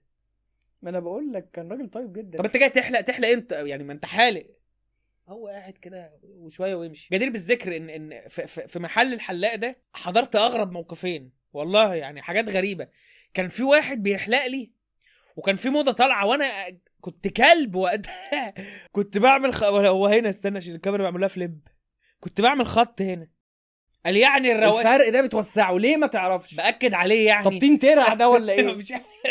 بي- بي- بيبرز المعنى ويوضحه. وكنت إيه أخف وأعمل dégradé اللي هو درجها لي. كان شكلي غريب ودماغي عاملة شبه الاناناس شبه بطاطس اللي هي M&M's الصفرة دي. كان شكلي كان منظر أهلي غريب قوي يعني. فكان في واحد بيحلق لي مش محمد حلاق نفسه واحد شغال معاه. أنا تقريبا الراجل ده يعني تحسه هو إيه هو بي- بيطلع في المحل. ما ما بيطلعش غير فبيحلق لي وبيظبطني وبيعمل لي حاجات وبياخد فلوس قليلة جدا وبيروقني أكني يعني عريس. كنت بطلع من عنده ريحه كلونيا وعامل لي ماسكات. فجه في مرة كده راح وهو بي وهو بيحلق لي راح جاي مكلمني قال لي أنا عايز أبعت لهم إيميل ضروري. طبعا أنا دماغي في إيده. فكرك هقول له مين؟ قلت له نبعت لهم إيميل ما نبعت لهمش ليه؟ قال لي ضروري عشان في كارثة هتحصل. قلت له إيه هي الكارثة اللي هتحصل؟ أنا خايف يديني بمقص في رقبتي ولا يديني في عيني ولا حاجة. طب قسما بعزة وجلالة الله هذا حصل. والله ولن أنساه. قال لي البقرة ظهرت في باكستان وهم لا يعلمون. قلت له بقرة إيه؟ قال لي الدجال. وهو الدجال بلغك يعني؟ نصك معاك قبل ما يطلع. قال لي وهم لا يعلمون. فأنا عايز أبعت لهم إيميل وانبههم. قلت له حاضر. ما أنا أنا عرفت إن أنت خلاص إحنا إحنا إحنا دلوقتي بنتكلم في ال... في ال nonsense. قلت له بس أنا الإيميل بتاعي وقفوه. اللي هم مين؟ اللي هنبعت لهم. قال لي طب مين إيميله شغال؟ ربنا ألهمني وقتها إن أنا بصيت لقيت سايبر على المدى. اللي إحنا كنا بنشتري منه الاسطوانات الحرامي هو وأخوه. ربنا يخرب لا يا عم مش بندعي على الناس يا عم. قلت له اللي هناك دول إيميلهم شغال. إحنا بأمر الله يعني نخلص الحلقة وتروح تبعت عشان البقرة طلع والبقرة طلعت تحت الشجرة وشقت المش عارف إيه وهم لا يعلمون. قال لي بجد؟ قلت له آه بجد. وهكتب لك الإيميل في ورقة. قمت كاتب أي هبل في الورقة. قلت ده أقول له أنا عايز أبعت إيميل على ده. الراجل ده من ساعتها ما شفتوش تاني ويقال إنه مات. دي من أغرب المواقف. أتباع الدجال يا سيدي. هم اللي عملوا فكرة. لا هو كان كان فعلا واخد الموضوع بجد. وأنا وأنا وقتها كان كان تقريبا قبل ما يجي قبله فيديو على اليوتيوب لمت عقلك أو حاجة. آه لا يعني أيام ما أنت كان ممكن تتبنى قوي فكرة الماسونية والشيطان اللي بيحكم عالم العالم توفيق آه، توفيق عكاشه والماسونية و- حياة. آه بقى لما بتكبر تعرف إن ده هبل يعني مفيش م- الكلام إلى حد ما يعني. لا لا اللي هو فعلا تصور الشيطان اللي بيحكم العالم ده تصور يميني واخد بالك؟ وإحنا بنعربه هو تصور يميني مسيحي. إحنا بقى بنيجي نعربه إحنا عندنا الشيطان وكان كيد الشيطان ضعيف يعني. أعوذ بالله من الشيطان الرجيم انتهى أمر الشيطان يعني. فقمنا معربينها. الدجال و... وكل ما اتكلم حد عايز يدي المعلومة بتاعته ثقل يقول لك الدجال واتباع الدجال عائلة روتشيلد. يخرب بيت أم عائلة روتشيلد. يعني ناس معاها فلوس شوية خلوها لك يحكم العالم. في ناس هتفشخني في التعليقات اللي هو إيه؟ أنت خريستوس؟ يخرب بيت أم أنت خريستوس. هتلاقي ناس في التعليقات متضايقة مني قوي اللي هو انت أنت قد كده مغيب ومش مصدق الماسونية آه أنت والمحافل اسكندراني نادي روتاري. آه. أنتوا منهم؟ آه يا عم بص بعمل لك العلامة أهو. أحمد سبايدر مش هيسيبنا آه. مش هيحلنا. كيمياء مش الكيمياء اللي بتتشري؟ آه. الكيمياء كانت كانت كانت مادة وسخة. معلش يا ريت ما تعملش تيت على الكلمة دي. كانت مادة قذرة. كان بتظبط في. تحس أيوه أولى وثانيه محتوى المناهج كان متحجر كده وبارد. فاكر مين كان بيدينا كيمياء؟ حبيبنا. حبيب الجماهير اللي جماهير حبيبنا الجارم عارف الجارم؟ يلا عارف الجارم اتكلمنا عليه في قناة ال gaming والناس كانت يعني قعدت مستنيانا سنة عشان يسمعوا حكايته. آه. وهنقول اسمه لأنه كده كده اتقال في ال gaming. لا يبقى الناس تروح تشوفه في ال gaming منها نعلي reach الاثنين عشان القناة ميتة يعني. هنا الفيديو ده. هيتشاف هيتشاف بسهولة. حركة رخمة فنقول اسمه هنا وخلاص. وروحوا شوفوه عشاننا يا جماعة. ما بالله عليك بلاش عشان أنا يمكن هقول تشبيه مش مش حلو يعني. بلا... هتسمعوا اسم المدرس ده في آخر حلقة قعدت. ولا تنسى في ال i اللي فوق ولا تنسى جون دي بروين بتاعي. المستر ده احكي لنا كده موقف نعيده تاني للي ما سمعوش يعني شكليا هو كان أقرب لأوباما المصري. من حيث الشكل واللون والصوت. ويبدو والله أعلم إن هو كان خريج كلية علوم وادى محاضرات بره اشتغل في الخليج و انتهى بيه الأمر في مدرسة. عباس حلمي في مفيش العجمي. فرص. ده كان ممكن يروح مانشستر يونايتد بس ما فيش الفيديو. الأسطوري بتاع أوباما اختفى من على اليوتيوب. المصري و... كان بيشتم عادل شكل بحبه آه. قوي الفيديو ده آه اختفى آه. مش لاقيه دلوقتي هحاول أجيبه لك. آه كان فيديو يروح مانشستر يونايتد بس المهم فكان بيشرح ب... بدرجة من اليأس وانعدام الشغف تشبه درجة يعني اليأس اللي أنا بعمل بيه فيديوهات في الأفيش لا مش طايق القناة ومش طايق المواضيع ومش طايق ومش طايق الناس بس بعملها كده يعني إيه لاجل الريتش يعني فهو كان بيعمل كده كان يخش معاك حاجة من الدرس ذاكرها. راعي فلوس أهلك والمدرس اللي بتاخد معاه بره مديك واجب حله لا هتعمل ده ولا ده ولا هتنام يبقى اسمع لك كلمتين يمكن تستفيد بيهم. قاعد كده وبيشرح الالكترون مش عارف إيه والحمض والقاعدة وبتاع. يا ابني هو أنا أراجوز بتتفرج عليه؟ عيل كان اسمه أبو زيد قاعد عامل كده. قاعد يتفرج. مش جرادي ولا آه لا. يا ابني هو أنا اراجوز يعني كان كان هيسحب طبنجه من جنبه ويحل نفسه وقتي أو يدي نفسه نافذ وإحنا واقفين. إحنا كان عندنا في الكيمياء مستر عايق جدا اسمه أجنبي. آه. ما أعتقدش إن هو كان مسيحي بس هو كان اسمه لا أجنبي. لا أعتقد لابد إنه يكون مسيحي. كان يدخل البالتو تحتيه كرافات. أنا برضو أنا فاكر إن أنا قلت اسمه في في الجانب الأسود. آه مستر أقول نقول اسمه. آه ماشي. مستر جوزيف. فكان ما ده هيطلع كان اسمه يوسف وعمل النمرة دي علينا الله أعلم. فكان البالتو كرافات والجرافته السوداء. تحت البالتو ويقعد يشرح. واساسا المعمل ما في ما في حنفية حتى أنا مش شغالة. فاكر شكل المعمل بتاع عباس حلمي ده أساسا. فأنا برضو ماليش ذكاء هو كان راجل يعني عايق ودمه خفيف عايق بالمعنى الحلو يعني مش آه. بالمعنى الوحش. لا لا ما هي بتبقى وحشة لو قلت عايقة. عايق لا هو عايق ويعني إيه عارف اللي هو إيه؟ باللغة بتاع زمان. معجباني. أيوه آه. ونزاهة. وبيشرح كويس ودمه خفيف. فما ماليش تعليق عليه صح كان يروح مانشستر. يونايتد. مفيش فرص. الفيزياء لا اتكلمنا عن الفيزياء. اتكلمنا. الرياضة. الفلسفة لا استنى. آه ده لسه المواد الأدبية اللي هي كلها حشو دي. اتكلمنا عن الجغرافيا واتكلمنا عن التاريخ. مواد أدبية إيه؟ الفلسفة. الموقف ده. واضح إن إحنا فضحنا الثانوية كلها في آخر حلقة قعدة سايبك المستر ده كان راجل ذو سمت. ومش ياس ولا حاجة. هو بس عارف إن هو إيه بي grind آه، شغله في المدرسة فعايز يمشي. راجل عملي جدا هو قصير شوية ورفيع كده وسفيف بنطلون جينز حزام قميص كاروهات جوه ساعة آه، اللي هي الرقمية نضارة سماعة بلوتوث. راجل عملي جدا وهيخلص جدا. نادرا ما بيدخل مع مع الطلبة في حوار. لحد ما البساط كان أحمدي في مرة. في تجليات كده. كده آه لسبب يعلمه لا يعلمه إلا الله إن هو يدينا نصايح لليلة الدخل. ليه يا مستر؟ إيه علاقة ده بالفلسفة؟ بس ماشي. من غير ما نخش في تفاصيل فيما معناه يعني اللي هو إيه؟ خليك إنسان وتمهل. يا عم في إيه؟ هقول نفس التشبيه اللي قلته في قناة الجيمنج تاني. الفصل كله المؤدب والصايع والسرسجي والنايم والصاحي كله بيسمع وقافل ده عن ده. الصوت الإنسان الوحيد اللي يطلع يطلع من جنبي.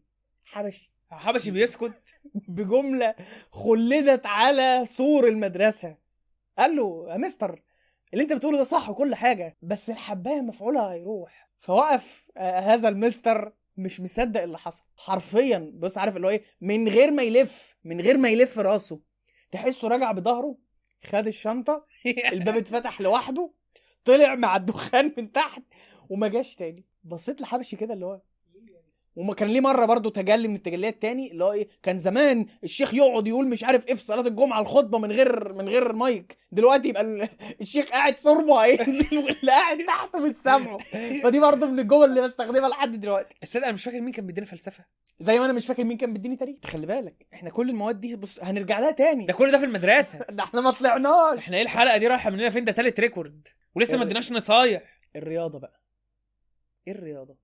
أنا قلت لك إن فصلي ما بيعيشوش مدرس رياضة فكانوا بيتعاقبوا علينا مدرسين رياضة كتير. هذكر اتنين بالذكر بالاسم مش بالاسم يعني هقول هم ذكرهم هم كانوا اتنين معروفين بالاسم وفي الاسم. آه. غير طلعت زكريا اللي كان نفسي يكمل معانا بس مستر وأنا هقول اسمه لأن أنا ما عنديش أي حاجة سلبية أقولها عليه. مستر رضا. كان راجل كبير في السن وكان أصلع وواضح إن هو جاي من الصعيد من سوهاج فهو مش هو مش أسمر هو كأنه واخد تان. والشنب الأبيض حرف اليو اللي هو كده. وكان عنده هجين غريب ما سمعتوش في حياتي قبل كده ما بين اللهجة الإسكندراني واللهجة الصعيدي. فكان عارف اللي هو إيه وكان ليه امتدادات كده وبيطلع كده مرة واحدة. عارف أنت خالك اللي تكلمه هو مش سامع أنت بتقول إيه وبعدين أنت تخلص كلامك يقوم هو داخل في موضوع تاني أو ده. مستر أيوه يا ابني كذا. وقاعدة إقليدس ويقعد يكمل. برضو من ال... من السلوجانز اللي كملت معانا في, ح... في حياتنا واللي حصل بعديها لا يصدقه عقله. هو هو, مش موقف غريب بس فعلا هو ما نهاش. قاعدة مش عارف إيه. إجليدس. إجليدس كان إذا تقاطع وترين في مثلث. أقسم بالله العظيم هذا حصل. إذا تقاطع وترين في مثلث. وكتب مسألة وحلها. أنا قاعد أنا فاكر المسألة أنا شاطر طول عمري في الرياضه انت تكذب. مفيش وترين في المثلث اللي أنت بتحله ده خالص. طب عرفني إيه اللي حصل. قول لي إذا تقاطع وترين في مثلث. و- وخلصت الثانوية و... وأنا ما أعرفش إيه إذا تقاطع وترين هيحصل إيه يعني؟ إيه اللي هيحصل يا؟ مستر؟ بعدين من الملائكه كانت بتلعبه أو حاجة. أو. مثلا شاف الجن النطاط. التاني بقى كان من النوبة فكان إيه دول عايروني وقالوا لي يسمر اللون يا لالي وكان هو وعيلته من كرموز. من. جعفره ما تقولش بقى اسم العيلة. مش أنا خلاص قلت. فأبوك قال لي إيه ده؟ انت بيديك فلان. قلت له آه. ده راجل مش عارف إيه وابن مش عارف إيه عيلته بنت مش عارف إيه ففتح بقى. فانا قاعد في قعدة صفا أنا وسعداوي. فبقول له خلي بالك ده مدرس الرياضة بتاعنا ده فلان ده من من المنطقة عند أبويا في كرموز وكذا وعيلته كذا ومش عارف إيه وهو واقف ورايا.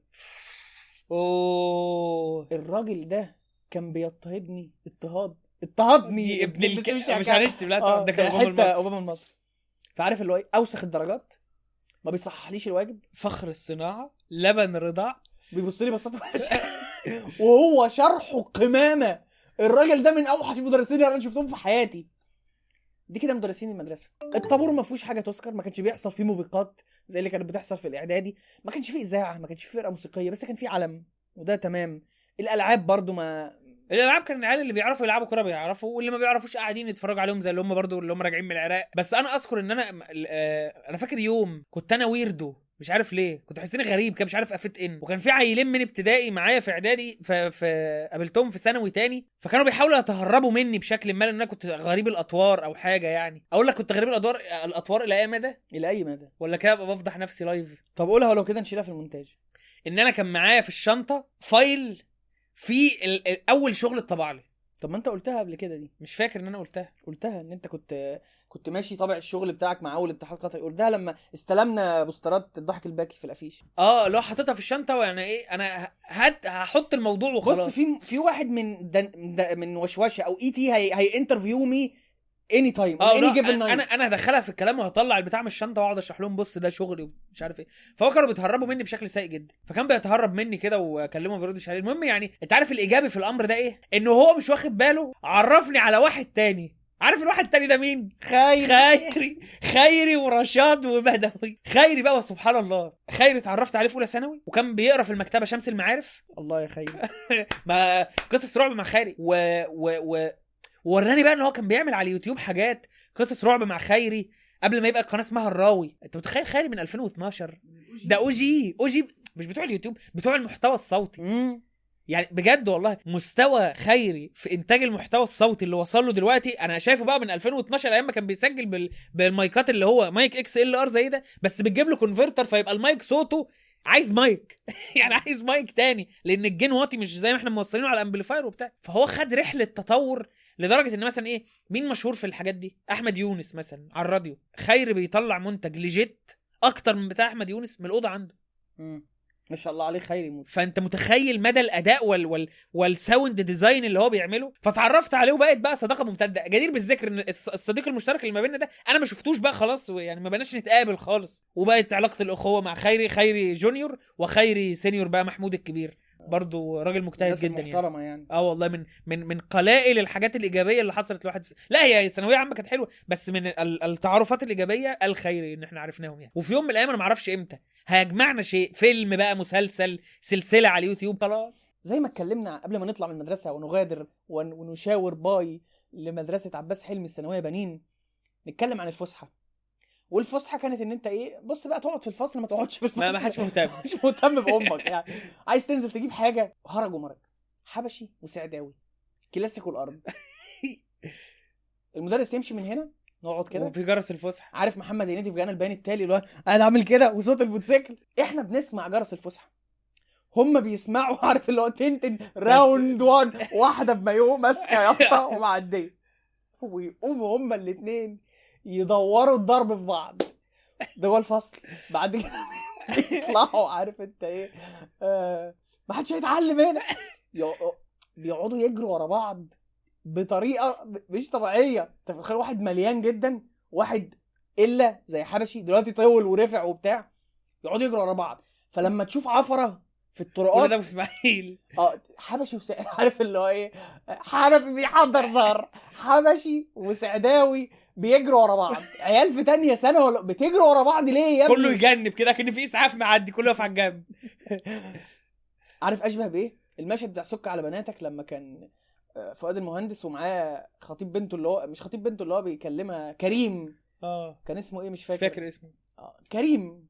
شخصية اللي هو الحاج عبد الموجود موجود. شفت عارف لما فؤاد المهندس يطلع له من حتة يقوم حبشي بقى. صغير وحافظ سناديب المدرسة كلها.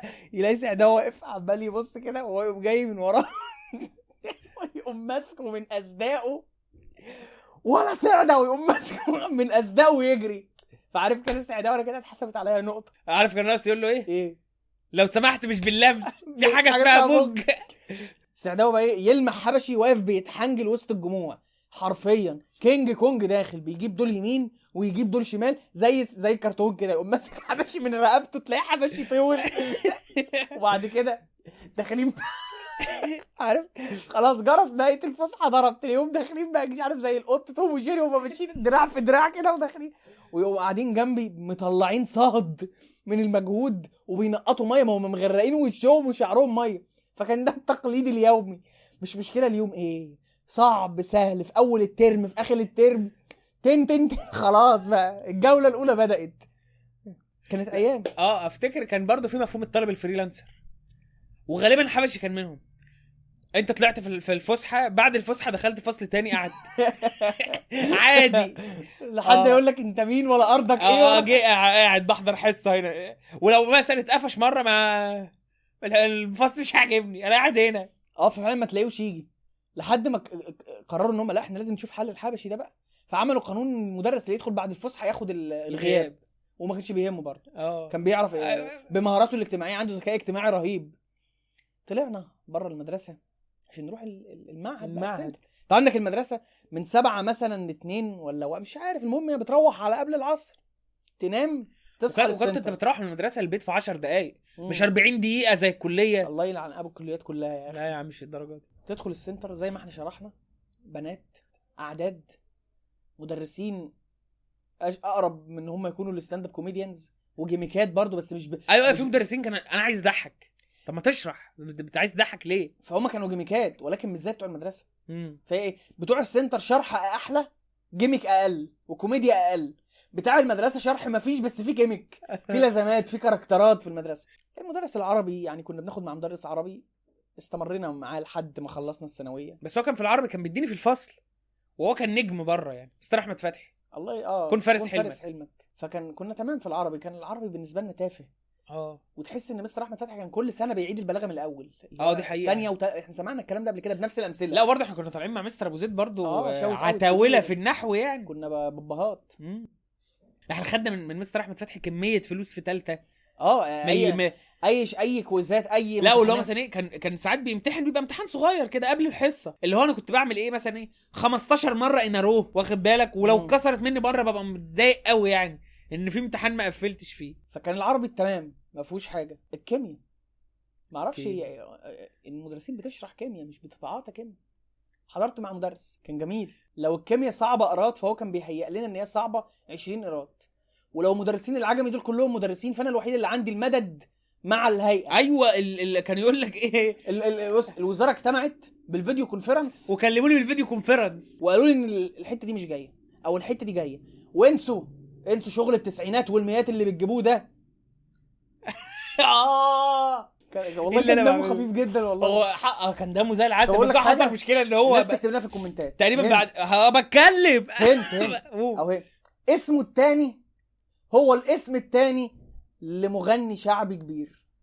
بس ده سؤال بس. الحلقة بقى. واللي هيكسب هي- هيطلع معانا إن شاء الله يعني في الجنة بإذن الله يعني.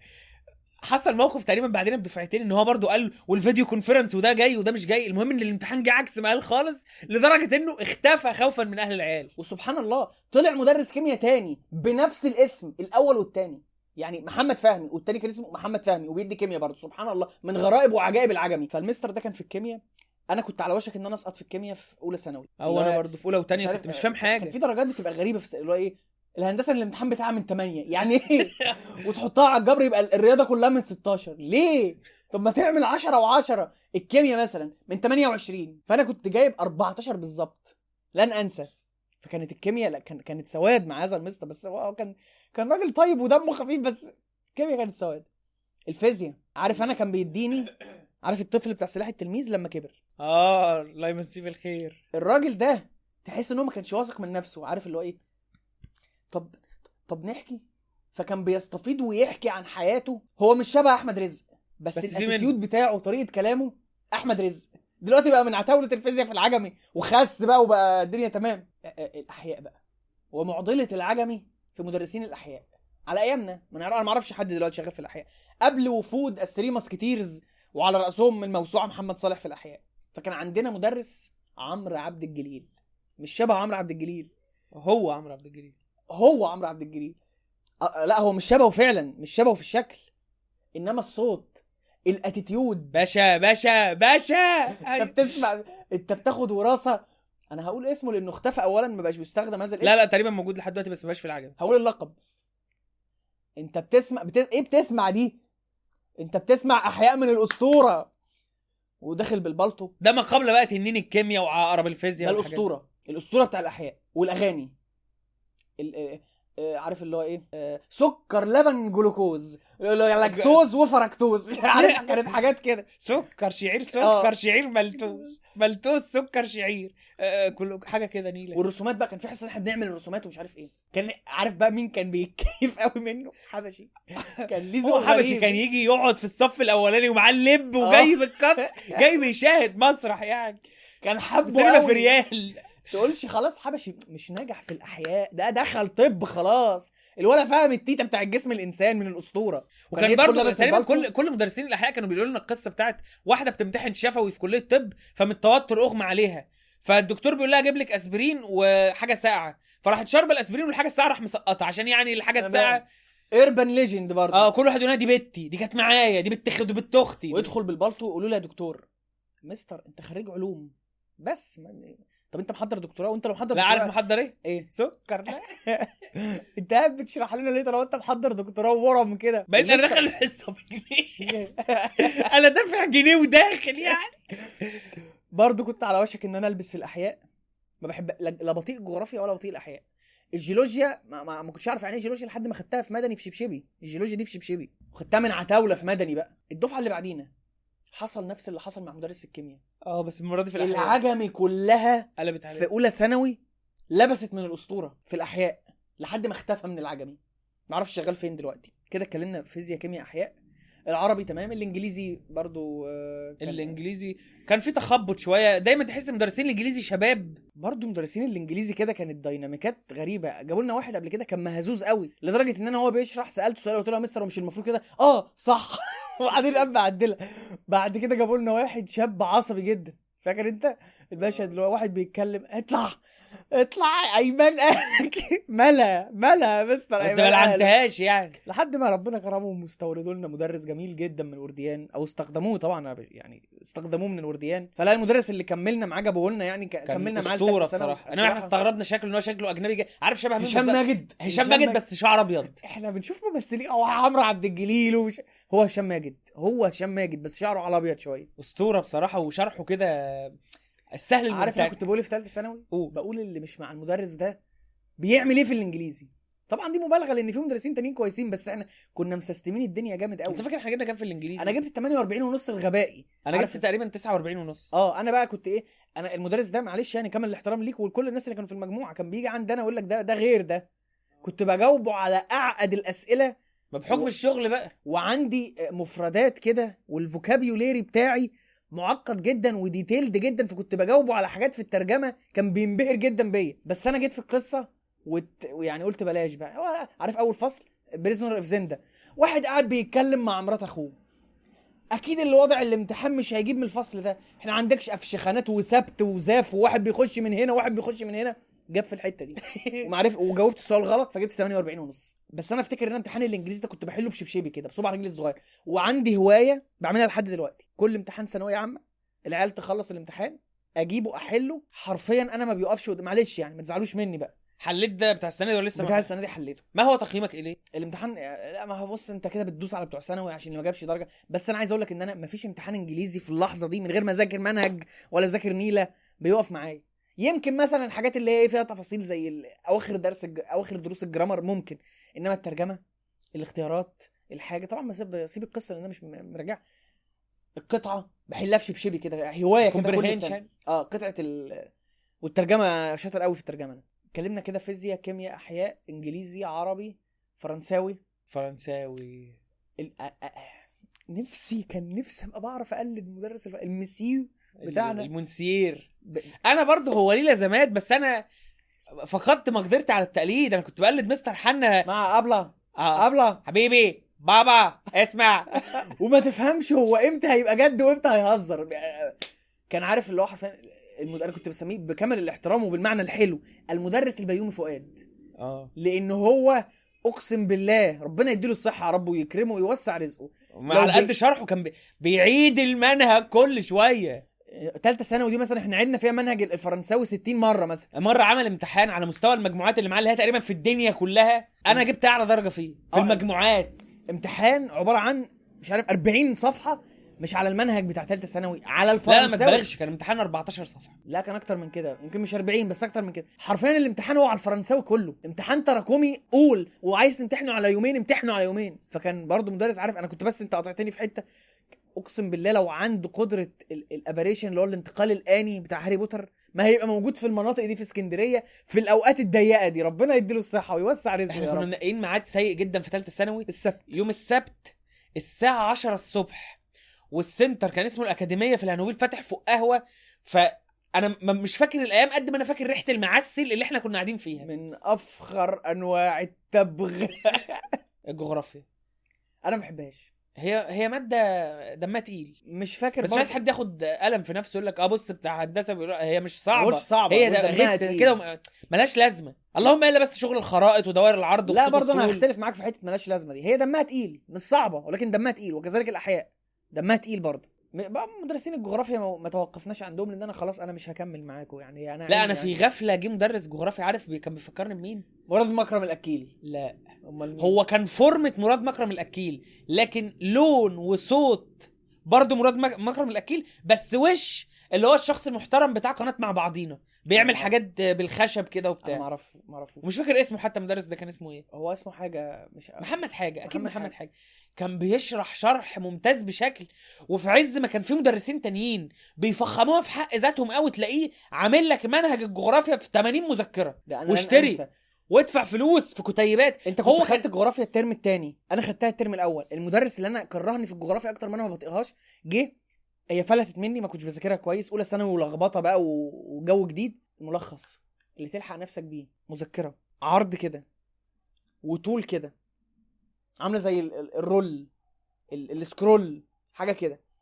حرفيا 60 ورقة مكتوب فيها المنهج اللي في مذكرة الشرح بخط صغير مفروض للعرض ده. الحركة دي إحنا بنشوفها بقى المعيدين بيعملوها في الكلية. م- وسخة. مذكرة ورقة. طبعا انت يا ريت تلاقي في مدني مذكرة 60 ورقة ده انت تبوس إيدك وش يا وظهر ده قول الدرس البسيط ده. 60 ورقة مراجعة بس. نكون كله ونيجي نقوم عاملين مذكرة مراجعة. دي بقى اللي فيها الخلاصة. عارف محمد نجم في واحد ليمون والتاني مجنون. التجربة كلها كام 140 ورقة والامتحان فاضل عليه 3 أيام. هو في كده يا راجل. ده خمس نجوم. ففي عز حاجة زي دي دخلت معاه وأنا كنت شاكك بصراحة. أنت دايما دايما في الطالب اللي بيتحنطق وفاكر نفسه فاهم أكتر من المدرس. أنت شكلك هتسقطني أنت بتهزر كتير في الحصة أنت عامل منهج الجغرافيا كله في مذكرتين الواحده قد كده. هذممك ذمه ودي واحدة خضرا. نجحت ولا ما نجحتش؟ والله العظيم ولا كنت بواجه أي مشكلة وبخش على أجدعها خريطة كده ضارب الباب برجلي والدنيا عسل معايا وشرحه بسيط وكان بيقول Google Earth آه. Google Earth آه. التاريخ. التاريخ كان مستر آه، مستر آه. عبد الظاهر. عبد الظاهر. عبد الظاهر إمام. مستر عبد الظاهر كان امام بيفكرني جدا بأحمد آدم. لا خالص. في الدم كده نفس الدم كده. لا أنا أول مرة. إحنا شفنا اللي كان كان في دروس تاريخ شفتها في المدرسة وكان في دروس تاريخ في إعدادي. هو المدرس الوحيد اللي كان عارف عبد الرحمن أبو زهرة في الحاسة السابعة لما كان بيحكي لأحمد الفيشاوي عن صلاح الدين. في أداء كده للتاريخ لما تحس إن هو أنت أنت مثلا بت- بتحكي عن عين جالوت أنت مش بتدرسنا أنت كنت في عين جالوت معاهم. أداء كده وتون صوت أداء مسرحي الصوت. يعني هيبتدي في الأول جيت ريدي ويز مي عشان عندنا هنا معركة مش عارف إيه بعد كده فلوج المعركة وفلوج بيحكي- الأفتر ماس. لا تلوين الصوت بيخليك قاعد متثبت بس قدام ينقصه القصة حاجة. إحنا ما كملناش أدبي. ينقصوا المتابعة. ما كانتش آه. أقوى حاجة هناك. لا وكان بيعمل دايما أسئلة. يعني يدي سؤال في آخر الحلقة آخر حلقة في آخر الحصة واللي يجاوب السؤال طبعا كلنا جبنا الإجابات من على النت عادي وهو بيستلم مننا الإجابات واللي بياخدها عشوائي بياخد 10 جنيه. الفلسفة. وهنا بقى التيت بقى عارف اللي هو التيت. والشريط وحجب الأسماء وحجب الألفاظ. أنا. بدون قطع كلامك هسيبك تكلم تكمل. ال- الفلسفة والمنطق هما أكتر حاجتين overrated خصوصا أجيال ما بعد العولمة وأي واحد بيحب يتفزلك ما بعد حدثيا. أنا بشوف إن هم فقاعات بصراحة. بغض النظر عن علم الفلسفة. ومادة الفلسفة. أنا عايز أشخصنها مع المدرس. آه. كنا هو لابد أن يتم الشخصنة معاه. هو كان في مدرسين ياما بس ده إحنا برضو اقلب وفي نفس السنتر أو المعهد عشان كان إحنا- في عيال ارمى اللي هو مثلا يحضر عربي هنا ورياضة في سنتر تاني. لا ده كانت مخمضة بالنسبة إحنا لنا. كنا بنحطها في أي. سنتر وخلاص. وبعدين إحنا كنا تقريبا محددين إن إحنا مش هنكمل أدبي. فاقلب. المدرس ده هو برضو يعني من نفس تشريح أوباما المصري. بس كان أداؤه في الكلام العادي بره المادة مش جيمك ده هو بيتكلم كده. فلامبوينت اللي هي منسون. فاروق فلوكس لما كان يحب يعمل فيها صابع علم. مع لاكتراسي فكان مثلا يقف يشرح وماسك القلم والمايك كده. وعامل كده وكل شوية. وكده ويقعد يشاور بإيده كده. فيلوصوفيا حب حب, الحكمة. الحكمة. فيلوصوفيا حب حب. الحكمة. دي معنى كلمة نشأت في. بلاد اليونان على يد تاريس في الفترة ما بين القرن السابع. السابع. السابع والرابع قبل الميلاد. نشأت في بلاد- بلاد. الهكس ده بتاع الأغاني بتاعت مواد الأدبي. ما تزعلوش مننا بقى. مش النظام مش مش الأيام دي يعني. قبل كده. الم- المدرس ده برضو كان ليه تجليات كده. أنا برضو حاسس إن أنا حكيت ده في حلقة ما قبل كده. في بنت بنتين. أنا كنت مسميهم الازازه والكوبايه. عشان واحدة طويلة وواحدة قصيرة. وافتكر برضو ان برضو دي من الهنتات. اسمها كان على اسم مغنيه مشهوره جدا في السبعينات. سبعينات؟ في مش الثمانينات للدرجات في دي يعني. آه يعني. فالكوبايه دي هي مش قاصده تعمل كده بس هي فعلا مقاسها مقاس أطفال. بس سبحان الله كانت بتلاقي لبس الكبار بمقاس الأطفال. فكان حرفيا بتحس إن اللبس بيتقشر من عليها. من الضيق. آه. وهي وهي صغيرة جدا. كنت عشان كده كنت بسميها كوباية أنا كنت متنمر جدا. بس الأسماء بيني وبين نفسي ما بشيرهاش لا وبعد كده بقينا بنشير أسامي المناطق. المناطق. آه، أنت مثلا إيه فلان البت أبو بيكراش يوسف جت. فلان بيكراش على الحديد والصلب. كلها بقى. على منطقة على على. صناعة الحديد والصلب نفسها. أه. فمرة كانت قاعدة حرفيا قاعدة على سيفها. آه. قصدها إيه بحاجة زي دي؟ إن هو يعلمها الله. فهو بيدي مثال مش عارف عن التعميم أو التجريد أو حاجة كده. فقال يعني أنا مثلا أقول إن البنت اللي قاعدة هنا دي أحلى بنت في المجموعة دي كلها. في بنات اتغاظت من الجملة دي وراحت اشتكته. وهو ما هموش. هو حرفيا كان قاعد وطول الحصة كده كان بيتحرش بيها لفظيا. الراجل ده كان غريب جدا وأنا عمري ما ارتحت له. ده غير إن هو شرحه رديء ومحدش عنده عقل هيكمل معاه في تلت... كان هيكمل معاه في ثالثه ثانوي. وللغرابة بتلاقي ناس كملت في ثالثة الناس اللي مش عايزة توجع دماغها وفرحانة بالهمبكة اللي هو بيعملها دي وال شو شو شو من شب آه. هو راجل استعراضي جدا. بمناسبة المصاحبة والحاجات دي هو ما كانش اسمها مصاحبة؟ وطبعا قبل برضو أنا أنا عارف عارف الأجيال اللي هي اللي طالعة دي بتاعت ما بعد العولمة أنا هفشخها دلوقتي. اصبر بس. قبل ما اسمها بقى مصاحبة وديت والإكس والما إكسش والمش و... وعلى فكرة هو أنا في هيلسي ريليشن شيب قبل الكلام ده كان يقول لك آه يوسف بيكلم مي. تقريبا مي لسه بتتعلم تتكلم أو بتتكلم لغة اللي هو الإكسترا تراس هو الوحيد اللي بيكلمها. هو آه. الوحيد اللي بيكلمها. فلان بقى بيتكلم فلان. خد بالك دي بيتكلم يوسف. إيه ما وراش حاجة تانية. بيتكلم يوسف بس في الحياة. عشان كده بستغرب سؤال إزاي أكلم بنات؟ هتاخد الآيلتس يعني هتعمل إيه بقى؟ هو الكبت إحنا وحش. مش معنى كده ان إن دي دعوة للمساكنة والقرف ده يعني. بس لابد إن يكون في وزنية يعني. كان بيتعمل حركة اللي هو أنت داخل الحصة تحضر قلمك كراستك كتابك يا عم لا, لا. انت تفتح انت تفتح البلوتوث. آه. ليه؟ عصر ما قبل التليجرام واللي هو تكت... تبعت للي قريب منك. والواتس ما كانش منتشر برضه. لا ده كان الواتس ده كان elite. انت فاتح ال- البلوتوث ليه؟ عشان اسمي يتعرف. وحصل موقف. حمامة جنش. حمام ما جنش. فانت داخل فاتح ال- البلوتوث. بس أنا أنا ما كنتش بعمل كده لأن مش عشان أنا مؤدب.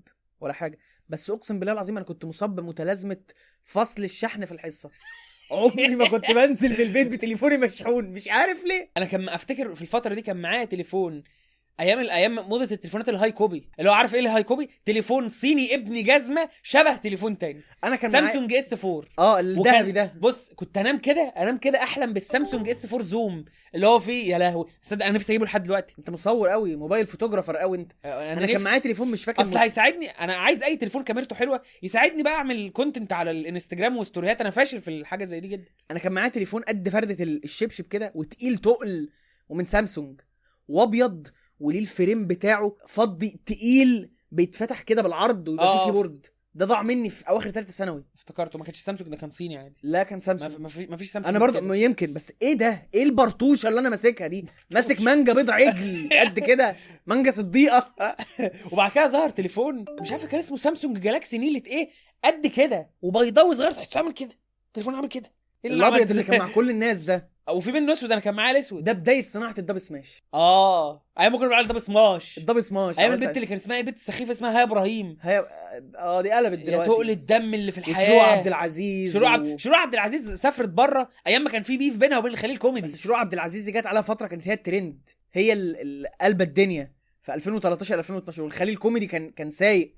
فيديوهات ال Dubsmash اللي هي اللي هو سماش. التيك توك دلوقتي. lip sync. هو- هو كان اسمه lip sync lip sync lip sync دي لا مؤاخذة يعني الشفشفه يعني هي lip sync lip شفة sync synchronization فكان عندي Dubsmash بعد كده Musical.ly وبعد كده تيك توك يا عالم هيروح بينا لفين؟ تويتر بقى X يا ترى ده هيبقى إيه؟ آه تويتر بقى X فلا إحنا حضرنا بيفات كتير بيفات كتير. صعود علي غزلان ودي حاجة الواحد ما كانش يتمنى إن هو يعيشها. فيعني دي مواضيع فرعية بس عايزين نرجع لنقطة البلوتوث دي عشان فأنت فاتح البلوتوث عشان اسمك يتعرف والبنات كانت بتعمل كده برضه والغبي اللي كان بيكتب اسمه مستعار. يا ابني وإحنا عارفين أصلا في واحدة محترمة هي ظنت لسبب يعلمه الله إن أنا اسمي محمد جمعة. ولسوء حظها إن كان في واحد جنبي اسمه محمد جمعة. فقررت إن هي تبعت له صورتها. وصورة عادية ما فيهاش حاجة. وللأسف هو تعامل معاها تعامل سيء. مع إن هو نيته كانت طيبة. اللي هو إيه هي هي بتدور على حد فلاني يعني حد معين. فعارف اللي هو طب ما أنا يمكن حاجة فدي كانت من الحاجات اللي حصلت برضه. الفترة دي انت لو كنت داخل الدرس عينك جت في عين اي واحدة دي بقت ام عيالك خلاص. ليه بقى؟ وتقعد متابعها جت. ما ده ليه؟ ما جاتش. ما ده ليه؟ ليه؟ لأن إحنا إحنا كنا بنستقي كل معرفتنا عن جو السناتر من باسم وحبشي وبعد كده يجي علي علي عرفناه في اولى ثانوي. هو انت لازم تطلع بشريكة الحياة دلوقتي؟ ليه يا بيه؟ مش لسه هنخش جامعة في. كلية وفي حياة وشغل بقى. لا دلوقتي. فاي واحدة تبص خلاص. عينها مني دي. القاع فين؟ هطبع الدعوات أنتوا مش محتاجين دعوة يا جماعة. أنا وفلانة. فأنا كنت باجي هنا يا ابني عيب يا ابني. بص المحافظة كونسرفاتيف يا ابني عيب نناديهم بأساميهم. أو في الغالب إحنا ما بنبقاش عارفين أساميهم. في, كل الأحوال يعني. فأنا اللي جيت بمقترح إن إحنا نسمي البنات بأسماء المناطق. فكنت تسمع كلام غريب زي اللي إحنا قلناه ده. فلان بعينه من أبو يوسف. هو بيحب بيحب الصينية آه. اللي هناك. البطاش النهارده بصيت لي بصة كلها بنزينات والسينما صيفي. فأنت كان عندك إيحاء كده إن إيه هنا دي توأم روحي ودي أم عيالي ودي اللي هكمل حياتي. لا وبصراحة ما تكدبش في بنات كانت بتعمل كده. في. بنات تخش تلاقي متابعاك وبصالك وتبص كانت تلاقي عينها في عينك وبتاع. وفي بنات كانت لعوب بتتسلى كده هي وصحباتها بس برضه دول كانوا أقلية. آه وكانوا معروفين بالاسم وفي الاسم برضه. آه. آه وكان في حاجة هقول لك هقول لك افتكرتها أنا. كان في موضه الإغماءات. تقولش يا أخويا إحنا إيه محبوسين في غواصة. طيارة مخطوفة. فجأة تلاقي ليه؟ يا سلمى سلمى. خاطف طيارة. حسن حسني في عفروت. آه. والحصة تقف. بص بأمانة الله كان في بنات فعلا التكييفات مش عاملة حاجة والأعداد كبيرة فبيغمى عليهم. هم ضعاف مثلا مش فاطرين أو ما أنا مش بزعم انهم بي... بي... بيفيكوا. إنما في بنات كانت بتعملها ك attention اللي هو أنت فيه أنت كل حصة. أنت جاي تغمى علينا هنا. أنت في أنت عندك ورم في المخ. طيب. ومرة مرة كنت قاعد قدام أنا قاعد على الصف اللي قدام وهي قاعدة على الصف اللي قدام. بنت كان اسمها بشلة وبيننا تقريبا حوالي 40 سم أنا قاعد مركز تركيز رهيب في الشرح. فجأة لقيتها وقعت بدماغها على رجلي. أنا مسكت نفسي بالعافية إن أنا أقوم أنط على كتف المدرس من خضة. أنا والله العظيم out of nowhere نفس البنت. أنا لقيت هي كانت راس واخداها هواية. لقيت راس قد القلقاسة كده على رجلي. أنا جسمي سقع فجأة. ما بقتش عارف أعمل إيه. بسم الله الرحمن الرحيم. بسم الله الحفيظ. ففي بنات كانت attention عارف اللي هو إيه؟ هي مضاد. زي موضه التخلف العقلي. في بنات شايفة إن من الكياتة اللي أنا باين إن أنا غبية قوي آه. يا جماعة في إيه؟ إحنا بقى كان مدير ال attention أنا هبان حلوة بقد إيه أنا مش ضعيفة أنا بس مش رقيقة مش هش أنا عليلة أنا مريضة أنا عندي ظروف لدرجة تعبان كان في تعبان يا مان تعبان يا أخي. كان كان في بنات أو واحدة تقريبا انت مسميها الفقيدة. أنا كنت مسميها الفقيدة ليه؟ دخلنا إيه ده؟ المستر بسم الله الرحمن الرحيم هيش- هيشرح؟ شيلوا زميلتكم. حد يجيب طب. نشوق ولا حاجة. وفي اللي كان أ- اسمع برضو إشاعات كان بيطلعها بنات يعني أنت لما يبقى واحد ماشي مع بنت فالبنت تقول له ان فلانة دي بتعمل كده عشان عايزة تطلع تقابل. امم بس برضه إحنا مش بنتهم ناس معينة أو كان أنا مش بقول ناس معين بس كانت الظاهرة موجودة. فبقى كان موضة الاغماءات دي زي موضة الغباء زي موضة الكانيولا بعد كده بس دي في الآخر بعد الكانيولا جاية بكانيولا خلاص يعني. آه. وبعدين ناقص هتلاقي بقى واحدة داخلة بانبوبه اكسجين كان في واحدة أنا بجد ما بهزرش بقدر المجهود. هي متجوزة ومخلفة وقررت إنها تاخد ثانوية عامة. حاجة تحترم بتيجي تحضر جدا معانا وبنحس هي مش كبيرة. هي جيلها مثلا كانت 24 وإحنا في الثانوية مثلا. متجوزة وعندها طفل. بس كانت بتدرس بشغف رهيب. وإحنا كنا مسمينها ام يحيى.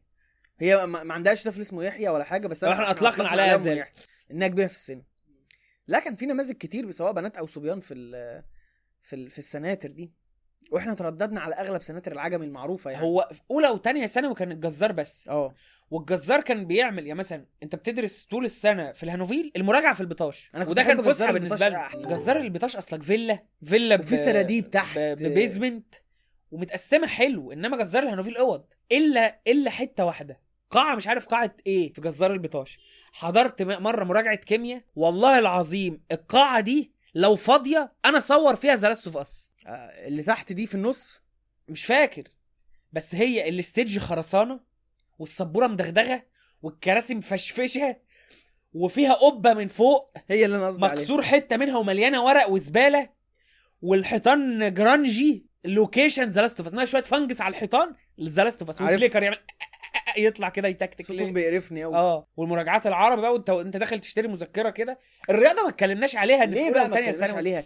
لأن إحنا كنا يعني لبسنا في تجربة نتيجة برضو الاختيارات السيئة مدرس محترم ودمه خفيف وطيب ومتدين وشخصية كده كويسة. الصراحه آه. بس إحنا ما جيناش مع بعض. كيميتنا ما مشيتش مع بعض. بصورة خلتني مدرك إن أنا أنا ما بفهمش رياضة. اللي هدخل اللي هن... بعد كده ندخل علم رياضة وهنجيب مجموع ونمشي في هندسة لا أنا ما بفهمش رياضه أنا لحد ليلة الامتحان أنا مش عارف إيه ده. في أولى ثانوي كنا على وشك الرسوب في في فين الهندسة الأفكار. دي؟ أنت شرحت الأفكار دي إمتى؟ في الحصة. هو بيشرح قشور ولا وبيدعي دعاء طبعا أنا مش ضد الطقوس بيدعي دعاء طويل قوي في البداية ودعاء طويل قوي في النهاية. وليه شعار مش هنقوله بس إحنا اكتشفنا أنا عملت فاريشن من هذا الشعار بعد النتائج ال- المخزية اللي شفناها في الامتحان بتاع أولى وثانيه ثانوي الشعار اللي أنا بقول نام وارتاح وغطيها وفي الامتحان هتاخد فيها. آه. اللي هو قشور وأنت بقى حل بقى. لو أنت وقفت معاك حاجة وريها لي لحد ما في تانية ثانوي بنقول بقى كده ما ينفعش. عارف العراقي محمود السيسي قمت عامل الحياة كده ستوب مفيش حب. فقمنا رايحين مع مدرس تاني وده كان شخصية. ده بقى كاركتر الكاركترات مستر حن وكريمة ده الكريمة. ما ينفعش ما يتقالش اسمه. مستر لأنه صاحب. فضل. بس مع إن فضل. ما كانش بيطيق. آه صح. كان لا لا كان صاحب أفضل على دفعة بأكملها. أنت متخيل؟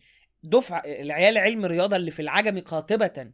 اللي دخلوا هندسة وعلوم ولا حتى اللي دخلوا تجارة. إحنا مدينين لهذا الرجل. بالفضل طبعا والعرفان إن هو شرح لنا. إحنا مدينين ليه بفلوس؟ ده فضل شهر رمضان تقريبا. نص رمضان بيراجع لنا الرياضة كل يوم. من التراويح للسحور. من التراويح للسحور. يعني إحنا كنا إيه؟ أول ما تتر نيلي وشرهان يشتغل إحنا بنلبس الكوتشي ورايحين.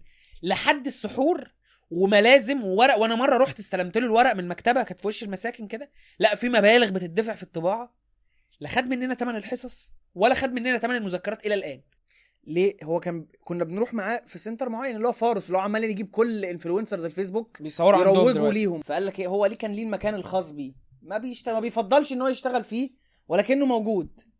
فرحنا وحصل زي ما أنت بتقول مجاني. كان بيخلي البنات تحضر بالنهار عشان مش هينفع يروحوا قبل بالليل. الفطار إحنا كنا في رمضان. كان نفسي مرة نحضر إحنا قبل الفطار عشان واحد يفطر ويريح. خلي بالك. لا كانت في لما كان بيدينا إحصاء. امم في مادة كده خزوق طلع لك خازوق في الثانوية أيامها. آه لازم تاخد إحصاء واقتصاد آه. ومعامل آه، بيرسون ومش عارف ما إيه تغلطش. الحاجات دي سمعت معاه في مشروع التخرج. ما تغلطش. واللي حابب يعرف قصة مشروع التخرج شوف ال live اللي عملناه في رمضان. بصراحة يعني هو كان بيراعي إن في بعض الأيام بجانب الإحصاء زي ما أنت بتقول جابنا في في رمضان بالنهار آه وكان بيراعي إن إحنا صايمين. فكان مثلا لو بي... هو ما كانش بيشرب سجاير أعتقد كان بيشرب بيشرب سجاير. سجاير لا. لو كان بيشرب قهوة ولا بيشرب شاي كان بيشربهم جوه في المكتب وقافل عليه ويجي هو ما ما بيشربش حاجة وهو واقف ولا أي حاجة. بعيد بقى عن المادة العلمية والموقف النبيل اللي عمله ده إحنا اتاثرنا بيه في طريقة الكلام. أنتوا كنتوا بتقلدوا تقليد. لا كان في وكان record- كان في حصص. مسجلها يا رب مش عارف أصل ال hard اللي عليها مثلا مش هقول لك بايظ وممكن أوديه لحد ي recover. ال hard رميته في الزبالة لأنه خلاص مات بس كان نفسي ال record ات دي تبقى معايا كنت بقلده لأن أنا إيه ما أنا تشبعت بال character بقى سنة بسمعه مرتين في الأسبوع سبت وثلاث كل بنروح بالفرن- ساعات. تقريبا بنروح من الفرنساوي ننام نص ساعة وننزل تاني. وخ- فيعني عرفت الصوت. ه- تتفق أو تختلف إن كتير من الجانب الأسود كان من الشخصية بتاعته آه.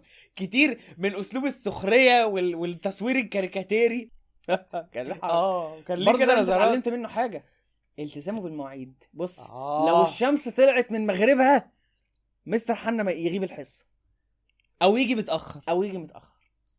أو أو تأمل إن هو يمشي بدري. مش هيمشي بدري. هو ليه ميعاد؟ لن يخلفه. وهيخلص فيه. وكان عليه نظام في الشرح اللي هو بيكتب خطه اولا فظيع. يعني خط رهيب جدا. رهيب. وبحس إن الناس اللي هم الناس الكبيرة كلهم خطهم حلو سواء نسخ أو رقعة عشان كانوا بياخدوا خط. إحنا ما اهتمناش بحتة الخط دي. أنا نفسي أخد ورشة خط دلوقتي. خطه حلو.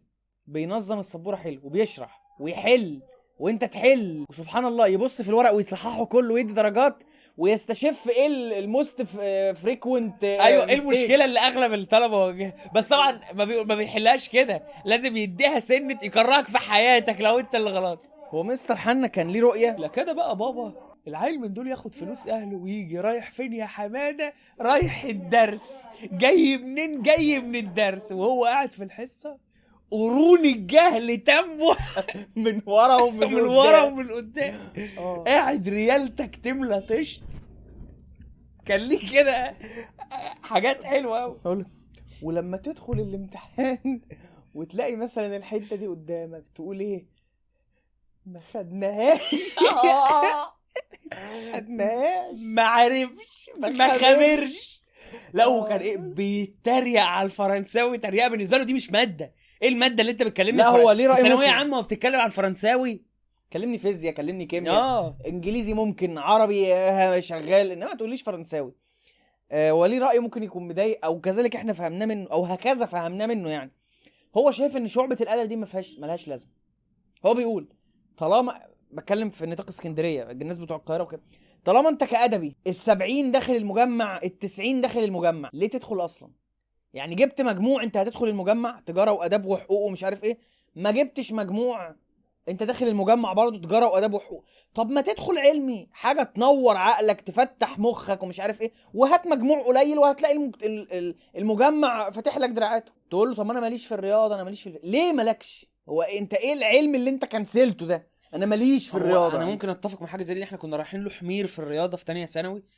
ظبطنا ظبطة غريبة. هو رأيه إن أنت شايف إن أنت إيه شعبة الادبي دي ما هي إلا ضياع فلوس الأهل في الأرض ومجهود الطالب في الأرض. بتقعد تنتع ويطلع كفرانك بجد مش هزار في التاريخ مثلا والجغرافيا والفلسفة. هو- ابعد عن العلوم سيبك من العلوم. لا أنا بتكلم على الفيرجن العقيم اللي هو المواد. بتاخدها بطريقة جامدة. مثلا التاريخ رول كده نقطعه أربعة في ستة ده منهج التاريخ مقرر اقعد انتع في أمه. أسئلة. لو سألتك بره المقرر ده ما تعرفش تجاوب.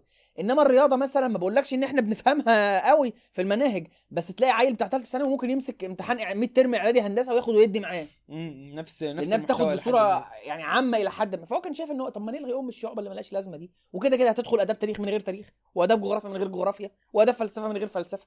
طب أنت بتروح ليه يا ابني؟ وتنتع وتجيب وتجيب 97 في الأدبي وتخش بيهم تجارة في الآخر. فده كان هو ده كان رأيه. يعني ممكن أتفق جزئيا. أنا بختلف. بجد برضو إن هي كان برضو رأيي. أصل أنت هترضي نفسك ليه؟ يا السنة مش مستحملة. بس برضو هو أنا اتفهم منطقه. عارف برضو في ناس حلوة كده بتطلع تقول لك إيه؟ أنت عمل... عمرك عملت حاجة بالنحو؟ عمرك عملت حاجة بالجبر؟ لأ. أنت فاهم الديل غلط. هو أنت حد داخل قال لك إن الجبر ده حاجة هتعملها في حياتك؟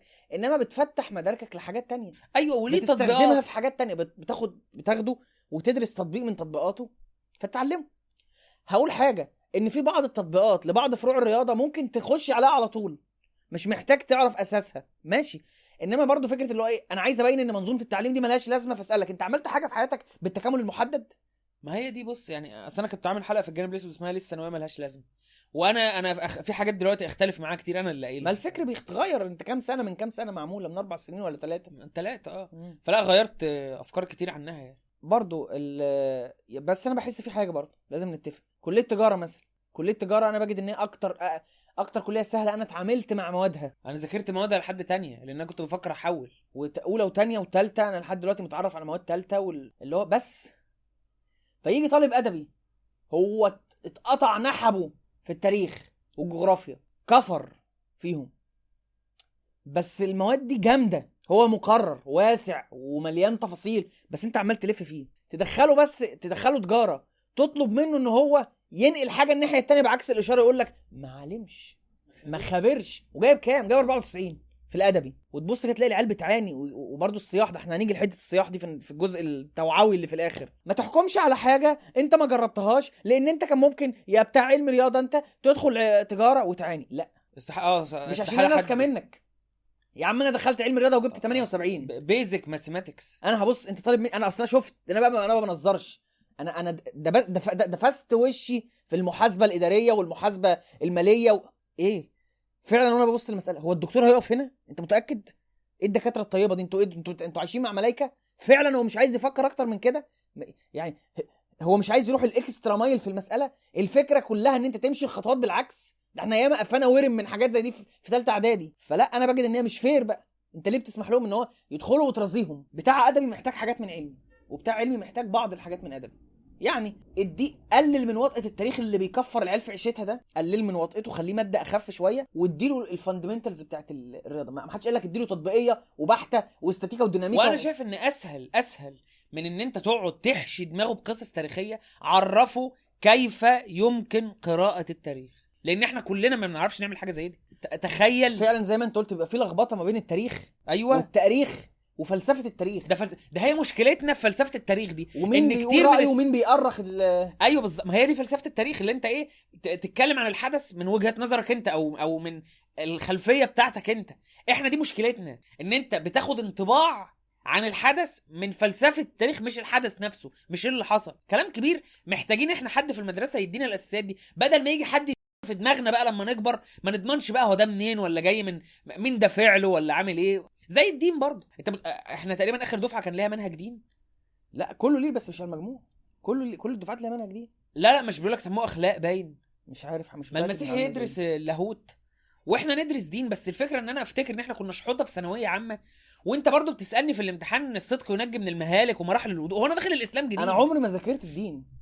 أو على الأقل مثلا في الاعداد آه والله هي القاعدة الثابتة اللي هو إيه؟ كل حاجة حلوة. كده كده مش هنحفظ. بص يقول لك يقول لك سؤال الآية. اللي هي اللي هو. مجموعة آيات. أو صورة كاملة وهي قصيرة آه مثلا. ده ده مش هنحفظه. واخد بالك؟ عشان مفيش وقت. ما اديناش الموضوع اهتمام كافي. ولو سألني في أي حاجة الكفار غلط وإحنا صح. أو يعني إيه؟ أكيد كلام حلو. كلام إنشا جميل كده عن الصدق وال وال والشورى في الإسلام والحاجات دي. إحنا شحوطة. إحنا عيال عندها 18 فين الفقه؟ أو يعني فين العقيدة؟ فين التوحيد؟ فين يعني فين منهج الدين بجد؟ ما تستغربش إن تلاقي واحد شحط مثلا متخرج من الكلية أو لسه في الكلية يلاقي واحد عبيط عنده 14 سنة على تويتر كاتب شبهة ما إيه إيه الجيل اللي بيفكر إيه ده؟ ده ده أجيال دافع عن دين إزاي؟ إيه ده؟ آه لا ويشير لك صورة الايه الش... ال- اللمبة اللي في وسط الشمع. هذا المجتمع الذي بيكره الاختلاف وبيكره التكف... في تفكير والأصل في الأمور الشك. أهو ده غباء. الديفولت بتاع الإنسان إن هو ملحد. ده قمة الغباء ده معنى اللي بيتكلم مش فاهم يعني إيه الحاد الالحاد هو نسق معرفي ونموذج تفسيري هو ما يعرفش الكلام ده ولا فاهم أي حاجة. هو حفظ لستة الشبهات آه، بول البعير ورضاع الكبير و... وعين حامئة ومش عارف إيه وساير بيه. أنا ملحد أنا لا ديني أنا أفكر أنا أفكر إذا. أنا موجود. يا عم المشكلة مش فيه. المشكلة في التاني اللي أنت أنت ما تعرفش دينك أصلا. وبتصلي وانت ما تعرفش حاجة. ليه أنت اتعلمت. أنت تحمد ربنا إن أنت ما الحدتش أيوه أيوة، ده كويس فعلا إن هو ما طلعش ملحد بال... بالسليقه يعني. وبتاع العلمي برضه. آه اه- اهتم بالتطبيق. والتطبيق هنا مش المسائل. انت إيه دور الكلية برضه؟ انت إحنا كفرنا في الكيمياء العضوية. طب ها يعني. ها. ما عملتش ميزان وأنا قاعد يعني. اما ابقى ادخل كيمياء يتخصص في الكيمياء ياخد الموضوع بهذا الكم من التفاصيل. وكذلك الفيزياء. انت متخيل ان إحنا قعدنا في الكيمياء؟ إحنا إحنا كده لازم نخش في ثالثه بقى عشان الحلقة وقتها بيفتح. آه إحنا كده فتحت. فتعالى ناخد هذا البريدج بتاع الكيمياء لسنة ثالثه تالتة. وتالتة هم مدرسين أولى وثانيه عادي. هم هم إحنا آه، كنا خلاص. الرياضة- إحنا غيرنا بقى مستر حنا بقى كان كان هو في تالتة بقى. كان تاني أواخر ترم تانية و... ترم تانية وتالتة. أنا عايز أبدأ بحاجة محزنة جدا وأعتقد ستتفق معايا ناس كتير في التعليقات. افتكر كده يالا اليوم بتاعك كان بيبقى ماشي إزاي؟ أنت كنت بتبقى نايم بالليل واخد راحتك وصاحي فايق مش كل الأوقات. بصراحة الصحيان بدري قوي ده كان بيبقى دمه تقيل. بتروح الدرس وتيجي تفخد وتأنتخ وتمسك التليفون وتعبس وتتفرج على التلفزيون وتنام تاني وتصحى تذاكر وتحل الواجب وتقعد تفخد بل إن إحنا كنا بنعمل شغل freelance وبتتعلم فوتوشوب وبتقعد تفخد تاني على التليفون وتنام تصحى وتحس إن اليوم 100 ساعة. دلوقتي أنا بقيت بصحى عشان أنام. والله العظيم والله العظيم أنا ممكن أحلف لك أيمان مغلظة إن من شهر خمسة لحد ما إحنا بنسجل دلوقتي أنا مش فاكر إيه اللي حصل. عارف ده دلوقتي مبقاش في اللي بركه ولا لا إيه؟ اللي أنت قلته ده صح بس في حاجة. اللي يسمعها برضو عشان انت انت يعني عملت خلط.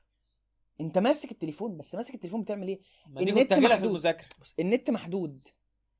فانت بتفتح باقة ومفيش هذا الكم من المحتوى. ما كانش في فيسبوك watch ما كانش موجودة ما كانش في تقريبا. انستجرام reels كان في اللي هي IGTV وما حدش مهتم.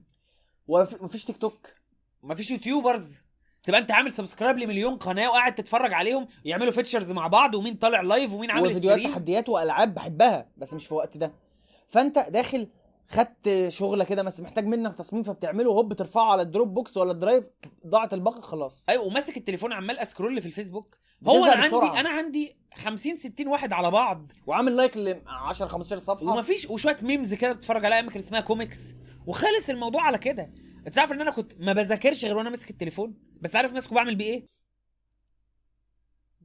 خلص. أقعد بقى وأنا إيه وأنا بسمع أعمل finish جون سينا أعمل التليفون RKO اعمل أحاول أعمل ال F 5 هعمله كده مثلا. بس ما هو ده التل... إن أنت دلوقتي لو مسكت التليفون 40 دقيقة راح. هتطلع من التيك توك على الإنستجرام من الإنستجرام على. الفيسبوك على اليوتيوب. ال- ولو أنت بقى من ال- من الفئة الضالة بتوع طلبة الثانوية على تويتر. يا لهوي. أو تعمل account تلاقي ال handle بتاعه أو الاسم. سيبك من ال handle تقول لك your fave كلبة. لا مش أنت مش الكلبة المفضلة بالنسبة لي. في كلبات كتير مفضلة. وتلاقي كاتبة إيه؟ آه، يا رب بنت الجزمة تخش هندسة. مش هتخش هندسة. ما بت- ما بتتدخلش كده. لا وقاعد. أنت أنا مختلف. بيبقى عندهم إحساس عالي قوي بالاختلاف. على إيه يا حبيبي؟ ما أعرفش هو أنت بتخش تويتر كده؟ ودلوقتي غضبوا عشان إيلون ماسك وبقى إكس وكده. أما تشوف بقى هيروحوا إيه؟ ال ال ال الأشكال الضالة ده تروح فين بعد كده؟ إحساس Reddit. بالتميز. Reddit أنا أنا أنا أنا متميز. يا ابني أنت مش متميز يا أخي. أنت قاعد في مجموعة ثانوية. يا إما أصحابك مش فيها يا إما أنت انطوائي وما عندكش أصحاب أصلا وعايز تبين إن أنت مش ناب مش جاي معاك الدنيا الشمال دي. ما هو ده بيكبر ويخش الكلية يقول لك الدفعة ومش عارف إيه و... وبعدين إيه؟ الدقن تشعس من بن؟ صوره أبيض وأسود. low quality على الفيسبوك. Agnostic. Agnostic. أنا عدمي. تخيل تخيل محمود أبو شخه وصل للعدمية القيميه والمعرفية اللي هي حاجة كبيرة محمود أبو شخه وصل لها يعني. اللي هو يعني أنت خدت الصورة الصورة الهبلة عن العلوم اللي بتاخدها في الثانوية العامة ما عرفتش تلتزم فيها وتبقى راجل وتجيب مجموع تدخل كلية محترمة ولبست معهد صو- صوابع وتقول لك أنا أنا هفهم اللي هأتي بما لم يستطيعه الأوائل. آه أنا أصدق العلم. هتكلم عن النقطة دي والله عشان فعلا يعني بقول لك حشانة ورم من الأجيال دي. أنا عارف إن الحلقة الحتة دي ممكن يبقى دمها تقيل. نرجع بس يا. بخت من بكاني ولا بكى عليا ولا ضحكني ولا ضحكني نرجع للسياق تاني. استخدام النت كان محدود. واليوم في بركة. اتفرج على التلفزيون حلقة مسلسل هنا فيلم على إم بي سي 2 مش شغل بقى اللي هو إيه هارد 256 مليء بأحدث الأفلام وأوبنهايمر وباربي الاثنين معا. مع بص أنت, مع أنمي. انت تتريق على الافلام دي بس تلاقي نفسك قاعد اتفرج على فيلم تاج. طب ما انت بتشتمه في البتاع اتفرج على تاج. مرعي البريمو. المهم اضيع وقتي وخلاص. 50 مليون حلقة وان بيس اديها في الانميات. طوكيو جول واتاكون تايتن ومش عارف إيه. أو بقى إيه يطلب معاك إيه؟ الثقافة حلوة مفيش كلام. بس انت عندك تاسك. تخلفك عن التاسك ده لأي حاجة تانية حتى لو حتى لو انت بتضرب في البورصة ده ضيع مستقبل إلى حد ما. أقرأ. معرض الكتاب ده معرض كتاب وجب عارف العصر وجب. عم معرض الكتاب وجب. أرض زيكولا بقى وكل الكلام آه آه ده. وقتها يروح يجيب أرض الزيكو ودلوقتي مثلا يروح يجيب إيه؟ اللي هي كتب التنمية الذاتية. فن اللامبالاة ومن حرك قطعة الجبنة خاصتي ولا الكلام الفارغ ده. إحنا عارف أيامنا كان إيه مثلا؟ اللي هو إيه؟ حكايات سيكوباتيه ياه! يا دين انت ده على أنت البيض. الثقافه جايباك من ده كتاب اخر غبي جدا. وغلافه غبي والله وغلافه غبي. فيعني ما حبكش ديك ام الثقافه انت عندك معطيات كتير دلوقتي. خلي دي في النصايح يعني خليها. معطيات كتير.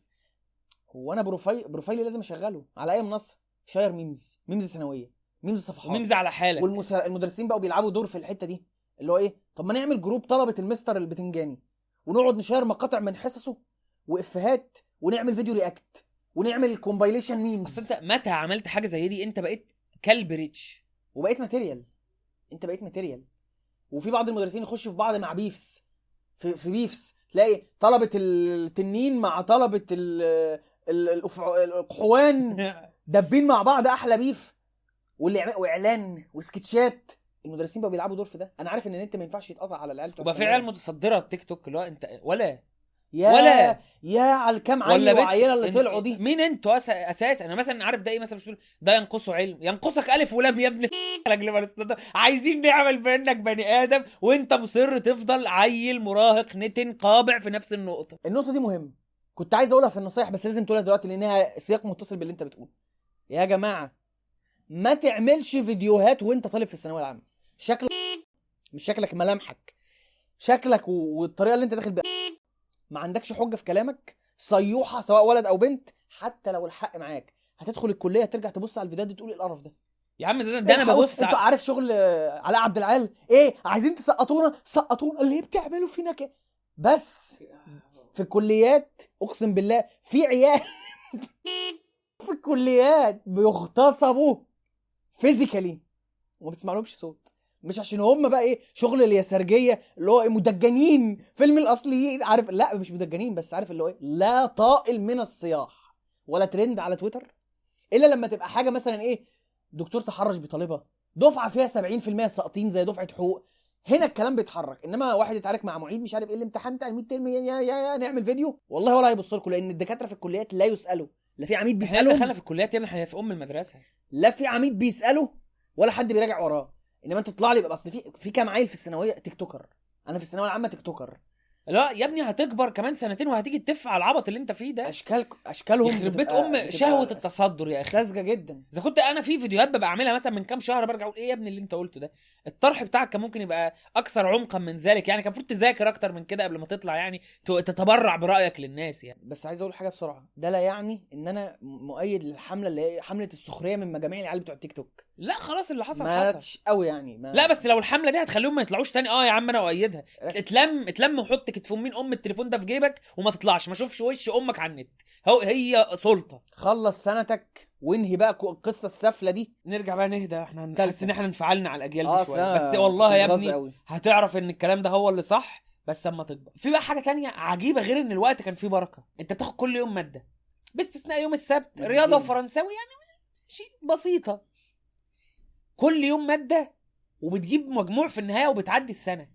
ليه جداول المدارس فيها خمس مواد في اليوم؟ دي حاجة أنا عجزت إن أنا أفهمها. يعني أنا ليه بروح المدرسة؟ تحنيس. خمس مواد في اليوم الحصة 35 دقيقة. ما بين اخد غياب ما بين ما المدرس يهدى لا بيشرح حلو ولا بيحل حلو. طب ما تمشوا المدارس بنظام المحاضرات. أجي عندي مثلا ثلاث محاضرات. المحاضرة ساعة. وأمشي. ومادة بتا... مادة كبيرة تاخد مرتين في الأسبوع المادة الصغيره مرة وخلاص. أيوه ما هو ما هو ثبت إن أنت في جدول ثانوية عامة مادة في اليوم والدنيا زي الفل معاك. يعني أنا ما أعرفش النظام دلوقتي بس أنا شايف إن الجدول بتاعنا كان مثالي بصراحة. السبت فرنساوي ورياضة. بدري رياضة بالليل. الحد كيمياء في منتصف اليوم. الاثنين أسوأ يوم فيزياء بالليل فيزياء. في السواد والشتاء. وهنقول إحنا إيه الغلطة اللي إحنا عملناها في الفيزياء؟ التلات. عربي. التلات. الثلاث رياضة تاني. رياضة تاني السبت والثلاث الأربع هو اللي عربي. الخميس إنجليزي. والخميس إنجليزي وأنت طالع بعد ما تخلص. PlayStation PlayStation PES 13 مع إننا كنا في 2016 PES 13 وتروح تنام وتصحى سهران بتحل واجب بتذاكر حاجة ناقصاك والجمعة أجازة زي الفل والأسبوع يتعاد. لو حد فعلا مقبل على ثانويه عامه ويعرف يعمل الجدول ده صدقني هيريحك. تاني برضو عشان قد يكون النظام اتغير. إحنا وده مش ده أنا بقول لك ده فعليا. يا ابني إحنا كنا بنفتح كلمة إلا عشان نتنيل نحل الواجب. عندي واجب كيمياء عضوية يبقى ذاكر الدرس وحل الواجب وخلاص. الم... أنا مش فاهم كان الموضوع أقول لك بسيط. حاجة أقسم بالله إحنا أنت عارف إن ما كانش بيضغطنا غير الهالة بتاعت ثانوية عامة. أنت لو مع مدرس حلو التزم بقى بالأسئلة بتاعته وخلاص. أيوه و- الثقة إن هو الملزمة بتاعته دي هو حاطط فيها كل حاجة تهمك. لما تصحى حتى من النوم وتبص على المكتب كده تلاقي مذكرة واحدة مطلوب منك تخلصها النهارده ده بيريحك نفسيا غير لما ت... 100 كتاب والألف سؤال والامتحان والمعاصر. في إيه؟ آه، إحنا إحنا في ناس بتستصغرنا بس إحنا لحقنا مش وإحنا في ثانوي ودي حتة جانبية على حتة الكتب الخارجية. لحقنا الدورة الأخيرة لحياة كراسه الأول. أنا كنت بحبها. كانت بتحسسك إن أنت كبير كده. فاكر الأسطورة اللي كانت بتقول إن الورق بتاعها معمول من عظم الحصنة؟ لا مش فاكرها خالص دي. يقول لك الورق معفن ورق نتن فعلا اللي هو ده. الحصنة. مع كامل الاحترام للإخوة المسيحيين بس أنا كنت بفتح سيكشن الأسئلة بتاعت الدين المسيحي. أنا ما كنتش مش بفهم النص أنا مش بفهم السؤال. أنت بتك... أنت بتقول إيه؟ أنت عايز إيه؟ أنا ما كنتش بعرف أحل فيها ولا سؤال في العربي ولا في اللي أنت ما أعرفش أنت كنت شاطر بقى لا ولا بس إيه؟ مرة كانوا بيلفوا آه، من- مناديب من كراسه الأول على الفصول كده في ابتدائي وسألوا السؤال الأخصائية الاجتماعية من ورا الراجل اللي بيسأل غششتني الإجابة. عارف كان إيه السؤال؟ مش فاكر. كان ماسكها كده وعايز حد يقرأ اللوجو بس هو كان معمول بخط ديواني آه أيوه صح. ديواني إيه؟ ما أعرفش بقى. خط سولوس. سولوس. خط سولوس. ولا كان ديواني؟ لا سولوس سولوس. فقلت له كراسه الأول راح مديني نوتة وقلم بتك تك بزرار فهتلاقيني مرتبط بكراسه الأول يعني من هذا ال... وايه الامتحان واللي مش امتحان ومندل. وحد ولا كان اسمه مندليف. مندل تقريبا. واسمه إيه ده بتاع الرياضة؟ لامي. لامي. والامتياز والامتحان والامتحان. لا يعني وحد كتاب إحنا الامتعاض إحنا برضو كده خلينا في النصايح لا إحنا المفروض ندخل فيها. ما إحنا يلا لسه ما قلناش حاجة عن الثانوي نفسها مشيت إزاي يا ابني. ما انت قلت جدول الدروس. آه. فكانت الأيام مباركة. وكنا بنتعلم. انت فاكر ان قبل امتحان العربي كان مسلسل الطبال بيتصور فيه مشاهد في لبنان وأمير كرارة بيصور مع كابتن محمد شرف. وكابتن محمد شرف قال لي أعمل poster لفيلم مسلسل الطبال وأمير كرارة بعت لي voice note وبتاع وعملت حاجة لابنه وكان اسمه سليم وع... والناس اللي كان إمتى ده؟ في سنه ثالث سنه كان قبل امتحان العربي بثلاث أيام. أنا بدأت أشتغل مع RPW في إنجلترا بعد الماتش الأسطوري كيرت أنجل وزاك سيبر في ثالثه سنة. وعملت أنت ال poster بتاع ويل أوسبري وفيدر في ثالثه في سنة. ثالثه ثانوي. وأنا برضو بدأت الكارير كان في ثالثه ثانوي وكنت بشغله وبقبض في ثالثه ثانوي. آه يعني مش مش مبالغ. مش مبالغ. فكان الأسبوع بيبتدي على الهادي. الفرنساوي الصبح كان بس غلاسته ان انت بتصحى بدري. وبنلحق ننام نص ساعة عشان ننزل الرياضة تاني. يوم الكيمياء. لا لطيف صراحة. والكيمياء هنا بس إحنا حتة مهمة. انت متخيل يا ولا إن إحنا خدنا كم هائل من الكيمياء العضوية واللي هي كشف عن الشق الحميدي والشق القاعدي وبعدين الكهربية والكميه اللي هي التركيز المولاري والحاجات دي. خدنا كل هذا المنهج من غ- بدون ما تخش معمل كيمياء. وعمالين نحفظ كذا وكذا راسب أبيض راسب أزرق. كنت العيال لحد دلوقتي بتعمل كده. أيوه مفيش معامل يا ابني.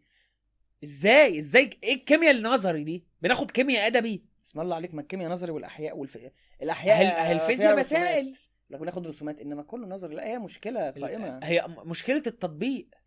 يكفي إن أنت بتبقى طالب علم رياضة ما بتعرفش تستخدم غير القلم. تدخل كلية زي هندسة يقول لك اعمل برجل برجلية بيه إيه إيه البرجل؟ برجل ده؟ إيه المسطرة التي دي؟ إيه دي؟ أنا ما أعرفش. فكرة إن أنت يعني تحط المثلث على المسطرة رجل ما تعمل خط عمودي تخليك تعمل كده. إيه ده؟ فأنت لا الموضوع فيه عوار آه، كبير بمناسبة الكيمياء كان بص إحنا طول الس... طول السنة إحنا خايفين من الكيمياء مع إنها تافهة. فجيت مرة في أحد الامتحانات الشامله وكان يعني المستر الله يمسيه بالخير مستر أحمد السعداني كان يعني عايز إيه؟ قال لك نحط حاجات مع المسروقات عشان يتحمسوا يعني. قال لك اللي ه... اللي هيقل عن النص هصفي له. قلت على النص. لأنه كان امتحان كبير وأنا ما ذاكرتش حلو. فبقى رايح كان هو بيحب يقعد قدام السنتر كده فرايح أكلمه بتاع في معدية مين؟ في معدية واحد مستر حنا فمستر حنا سامع اللي بيحصل وماسك الشنطة كده بتاعته جه جنب ودن مستر أحمد السعداني واقف ما أعرفش يا مستر أحمد العيال اللي بتاخد فلوس أهاليها وتضيعها وما يذاكروش وبعد كده يرجع يقول لك والنبي ما تصفليش وراح ماشي. كان مش هيصفي لي جه ولعه بالكلمة فضلت أتحايل عليه حبة أكتر لحد ما شالها لي. كان طيب جدا. بس أنا عايز أقول حاجة هنا. آه لا وكان ليه كان ليه يسكت كده. عارف اللي هو بيتسمى بقى بتوع الستاند أب والحاجات دي لك مش عارف الديد بان ديليفري اللي هو أنت إزاي تسكت بعد ما تقول الحاجة فالناس تضحك. فهو كان بيعملها حلو قوي الديد بان وبعد كده يسكت يبص العيل كده أي عيل قدامه. تفو عليك. كان ليه كان ليه تفو كده. وبعدين إيه؟ غريبة. يا معفن. يا معفن. لا كان طيب. بس أنا عايز أقول حاجة لو. فا- فاكر بعد ما النتيجة طلعت وإحنا الاثنين دخلنا هندسة ورحت له قال أنتوا الاثنين دخلتوا هندسة؟ قلت الله يكون في عون أبوك. شاف الموضوع من زاوية تانية خالص. كان عنده بعد نظر. إحنا واضح إن إحنا قلنا أسماء كل المدرسين اللي, اللي إحنا كنا كوي... يعني طيبين الذكر بالنسبة لنا إلا مدرس الإنجليزي. الإنجليزي والفرنساوي. الفرنساوي كان مستر محمد الجهيني. مستر محمد الجيني والانجليزي مستر اشرف الخشي الانجليزي بقى خلينا لما نوصل له. لا أنا بس لقيتنا كل المدرسين اللي إحنا اتكلمنا عليهم كويس قلنا اسمهم ما عدا الفرنساوي معلش ما. اصل إحنا بنرتجل. ده بالنسبة للكيمياء الفيزياء كانت هي المشكلة. إحنا لحد امتحان الفيزياء صدق وتؤمن بعزة وجلالة الله بكرة امتحان الفيزياء وكان امتحان الفيزياء جاي يوم سبت وقاعد بصلي الجمعة وعمال أقول يا رب اليوم يعدي أنا مش عارف حاجة. فلحد الامتحان بكرة أنا عايزك تتخيل الرعب والفشل والضياع. طالب ثانوية عامة داخل واتكتبت في في الجورنان مش هنساها في انتظار بعبع الثانوية العامة. دي دي على نفسك كله بحسب اللي مكتوب في المذكرة والامتحان بكرة. لما تكتب موجب في اي يعني موجب فرق الجهد في الطاقة بتاعت الفوتون. إيه جاب الفوتون لفرق الجهد بتاع الكهربية؟ لا لا positive negative ليه؟ ليه كده؟ وال... ت... ت... تخيل مدى الضياع الامتحان بكرة وأنا مش فاهم دي. طبعا ما تقوليش كيرشوف ولا كيرشو ولا أي حاجة. كنا ضايعين في الفيزياء لأن إحنا عملنا كنا مع مدرس بنفهم منه. ما صبرناش عليه. ما صبرناش عليه إنه كان برضو إيه بادئ معانا على الهادي وبيهزر وبيضحك فإحنا عاملين فيها ال... ال... اللي يعني ملتزمين يعني. وكان في مستر نقول اسمه ولا ماشي لا بص إحنا في الفيزياء مش هنقول اسم الاثنين آه مشهور جدا وهو فعلا ممتاز. يعني أنا ما شفتش حد بيشرح زيه غير بعد كده دكاترة في الكلية. لكن إحنا مش فاهمين منك. هو محتاج نوع معين من الطلبة هو اللي هينجح معاه. هو بيشرح الشرح اللي أقرب ما يكون لبتوع الكليات لدكاترة الكلية. فاحنا إيه يعني درءا للمتاعب مش هنقول اسم الاثنين لأن الغلط كان من عندنا إحنا في الفيزياء. آه فمش عارفين مش عارفين نلح- نلحقهم بنجيب الامتحان لو جبنا منه 10 من 30 ب- بن- بنقيم الأفراح. وكان سبحان الله يا أخي. بعد صلاة الفجر يوم ال... يعني الحد خلاص بقى عدت الساعة 12 فاحنا صابحين الاثنين بعد صلاة الفجر تصحى وتقول يا رب كرمنا وتحضر القليمة الفسفوري وتمسك مذكرة الفيزياء اللي الغلاف بتاعها من Shutterstock كان بتاعها دوامة كده عجيبة ولسه هتبتدي المذاكرة والنايل دراما شغالة تلاقي علي الحجار طالع لك. أيام ورا أيام الأيام بتاعت طه حسين. آه. التتر ده. ماشي في طريق الشوك ماشي. التتر ده والتون بتاع المسلسل في لحظة إحباط يخليك بقطع شرايين آه والله اللي هو إيه مثلا أمي قاعدة بتخرط بطاطس هقوم أمسك السكينة وأقوم دببها في قلبي كده على طول. إحباط ما كانش بي يعني بيصلح الإحباط ده غير يوم الأربعاء والخميس. إحنا هنا عندنا الثلاث رياضة. الرياضة ما أنت خدت بقى يعني الرياضة كانت كويسة. أربع وخميس العربي يعني بباط. في العربي. والإنجليزي. فبالآخر العربي والإنجليزي كنا بنروح الحصه نشوف الأجازة. أيوه عايزين بقى نوع بص حبشي علمي علوم باسم علم رياضة بس بيحضر مع مدرسين تانيين وعلي أدبي. فما بنشوفهمش إلا في الإنجليزي والإيه والعربي. فرايحين نمرح كده. خد لنا قطعة ترجمة على شوية نحو إحنا بالنسبة لنا فيستك. أيوه بقول لك رايحين تشو في المهارة بتاعتك المذاكرة اللي أنت مذاكرها. كنا بنعقد إحنا في العربي والإنجليزي الصراحة. فبرجع والله أتحسر على البركة اللي كانت في الوقت. والواحد كان بيعمل حاجات كتير قوي في اليوم. يعني إحنا غالبا دلوقتي بقى لنا مثلا بن- بنحاول نسجل بقى لنا خمس ساعات. خلص اليوم كده خلاص. أنت هتروح بيتك تنام وأنا هقعد أحنكش كده في أي حاجة. 11 بالليل نقول إيه ده اليوم إيه اليوم راح فين؟ الأيام راحت بقول لك أنا في مني شهور. يعني في ناس مثلا حد يبعت لي حاجة على الواتساب هرد عليه بكرة عشان مش قادر أرد دلوقتي. ألاقي نفسي ما ردتش عليه بقالي 26 يوم. والمشكلة إن أنا مش حاسس إن عدى 26 يوم. آه. السنة فضلت ماشية نمطية ما حصلش فيها أحداث. إحنا ملتزمين بالجدول آه، كنا بس بنعمل البسيط. آه بت بت بت بتروح تحل الواجب وتذاكر اللي انت خدته. وبرضه وقبل نتكلم الأسبوع الجاي. أحيانا بت... بتحل الواجب قبل الحصة بتاعت الأسبوع الجاي. آه، مش دايما. وبس كنا بنعمل حاجة وحشة جدا. إن لو في حاجة مش فاهمها ما بنسألش. ودي حاجة وسخة جدا. لأن إحنا كنا بناخد الحاجة ولو إيه هنخلصها مع بعض. عشان اتنين. انت عندك كلمة أنا أقول كلمة الدنيا هتمشي. افتقدنا حاجة زي دي في الكلية ومن أسباب فشلنا في الكلية هنقولها بقى في حاله الكلية إن إحنا كل واحد بقى في دنيا تانية. لا برضه أنا هختلف. مش أسباب فشلنا في الكلية. لأن أنا بالرغم إن الناس عارفة إن أنا يعني بقالي سبع سنين في هندسة وداخل على الثامنه أنا عمري ما دخلت امتحان و...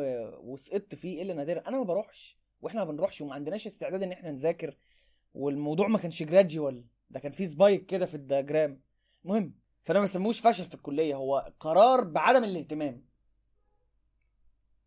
السنة ما بتمشي نمطية بس بص يعني يوم ما هتعمل جدول بص بسيط إزاي؟ ما فيهوش حاجة.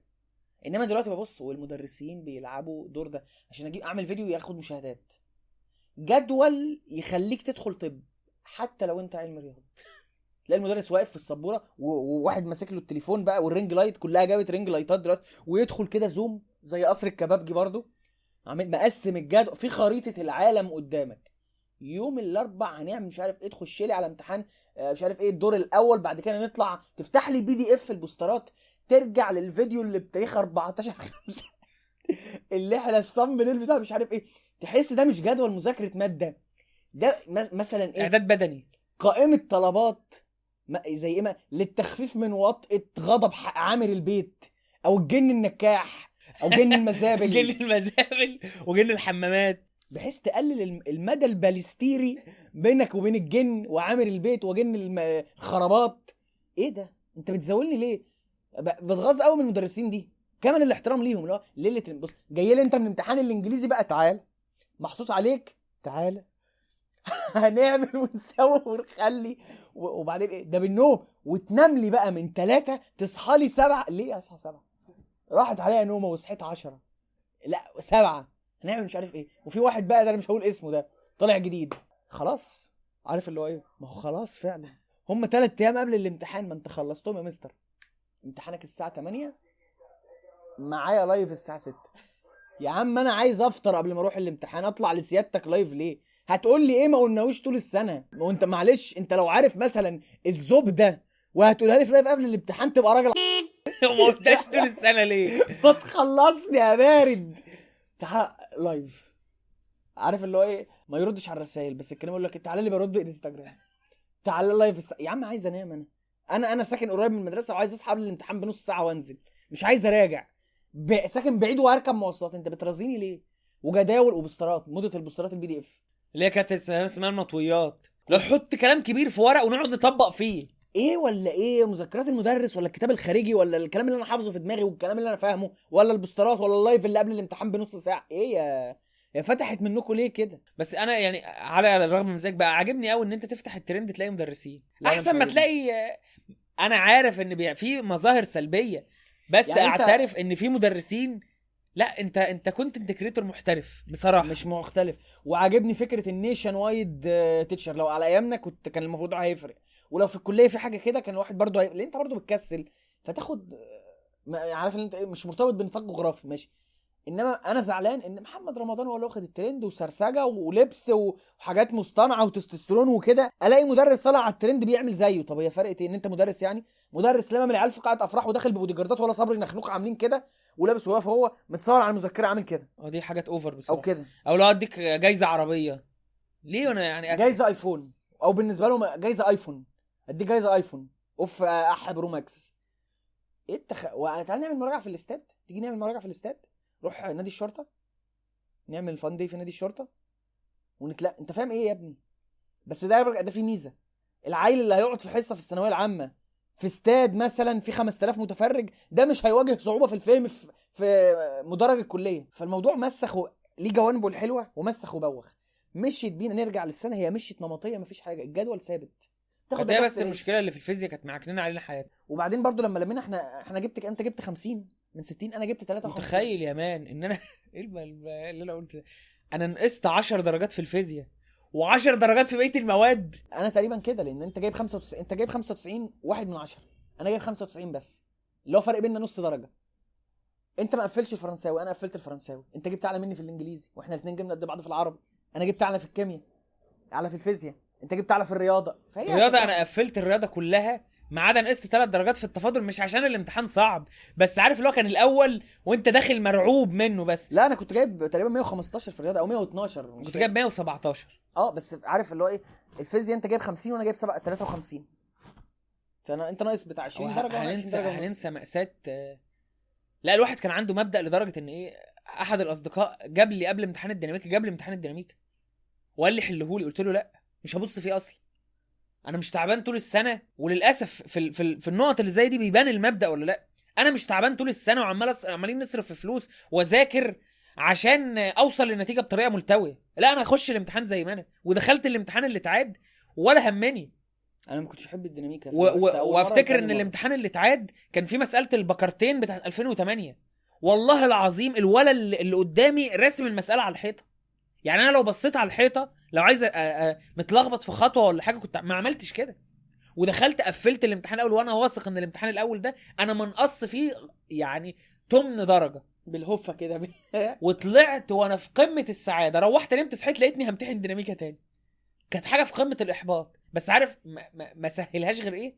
إن امتحان الديناميكا التاني كان أتفه منه مفيش. بس أنا أنا عملت غلطة هنا. ويمكن دي اللي أثرت معايا في درجة الرياضة. بصوا بصوا. هو فرق بين الامتحانين كان 3 أيام 4 أيام. على ما يحطوا امتحان تاني. أنا مش عايز أذاكر. هي كانت أنا دخلت ثقيلة على النفس جدا. أنا دخلت بمذاكرة أول امتحان فكنت في خطوات كتير واقعة مني. مسائل ما كملتهاش لآخرها. امتحان الهندسة الفراغية كان شديد. التفاهة. ده أنا عارف اللي هو شيلوا الورقة دي من تحت إيدي. لأن أنا م- هت... والجبر الجبر كان عبيط. الجبر كان عبيط قوي بتمشي السنة ما فيهاش أي حاجة بتحصل. إحنا محافظين على ده. بتيجي عليك مراحل بتزهق. يا انت انت هل فاكر ان إحنا مش عارف دي كانت في تانية ولا في تالتة. كنا بنطلع من الدرس بنروح إحنا وحبشي عند طارق نلعب 2K14 في ثانية ثانوي. دي كانت في تانية خلاص مش هقول. ال mode اللي هو WrestleMania moments. آه. فبيعدي عليك لحظات زهق أكيد. العيد ال- ال- الفطر تقريبا. آه لا. هو أنت كان عندك عيد أضحى وبعد كده بتمتحن في رمضان ومن ثم عيد الفطر.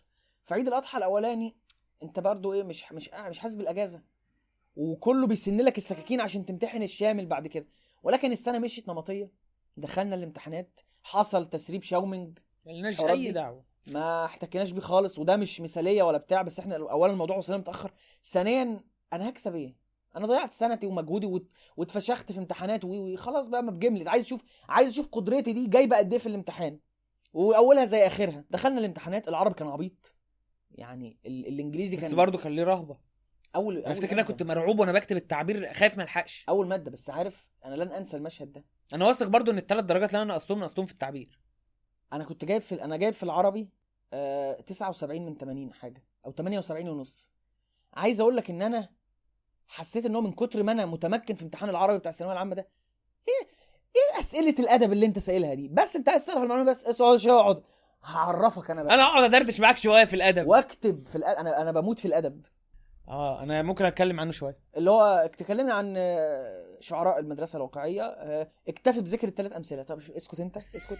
محمد صلاح أبو سنة وبدر الشاكر السياب وطبعا محمد صلاح أبو سنة. واكتب واكتب أبيات من قصيدة أسئلة الأشجار. ومحمد صلاح محمد بدر الشاكر السياب لما كتب رسالة لمراته ومات بعديها تقريبا.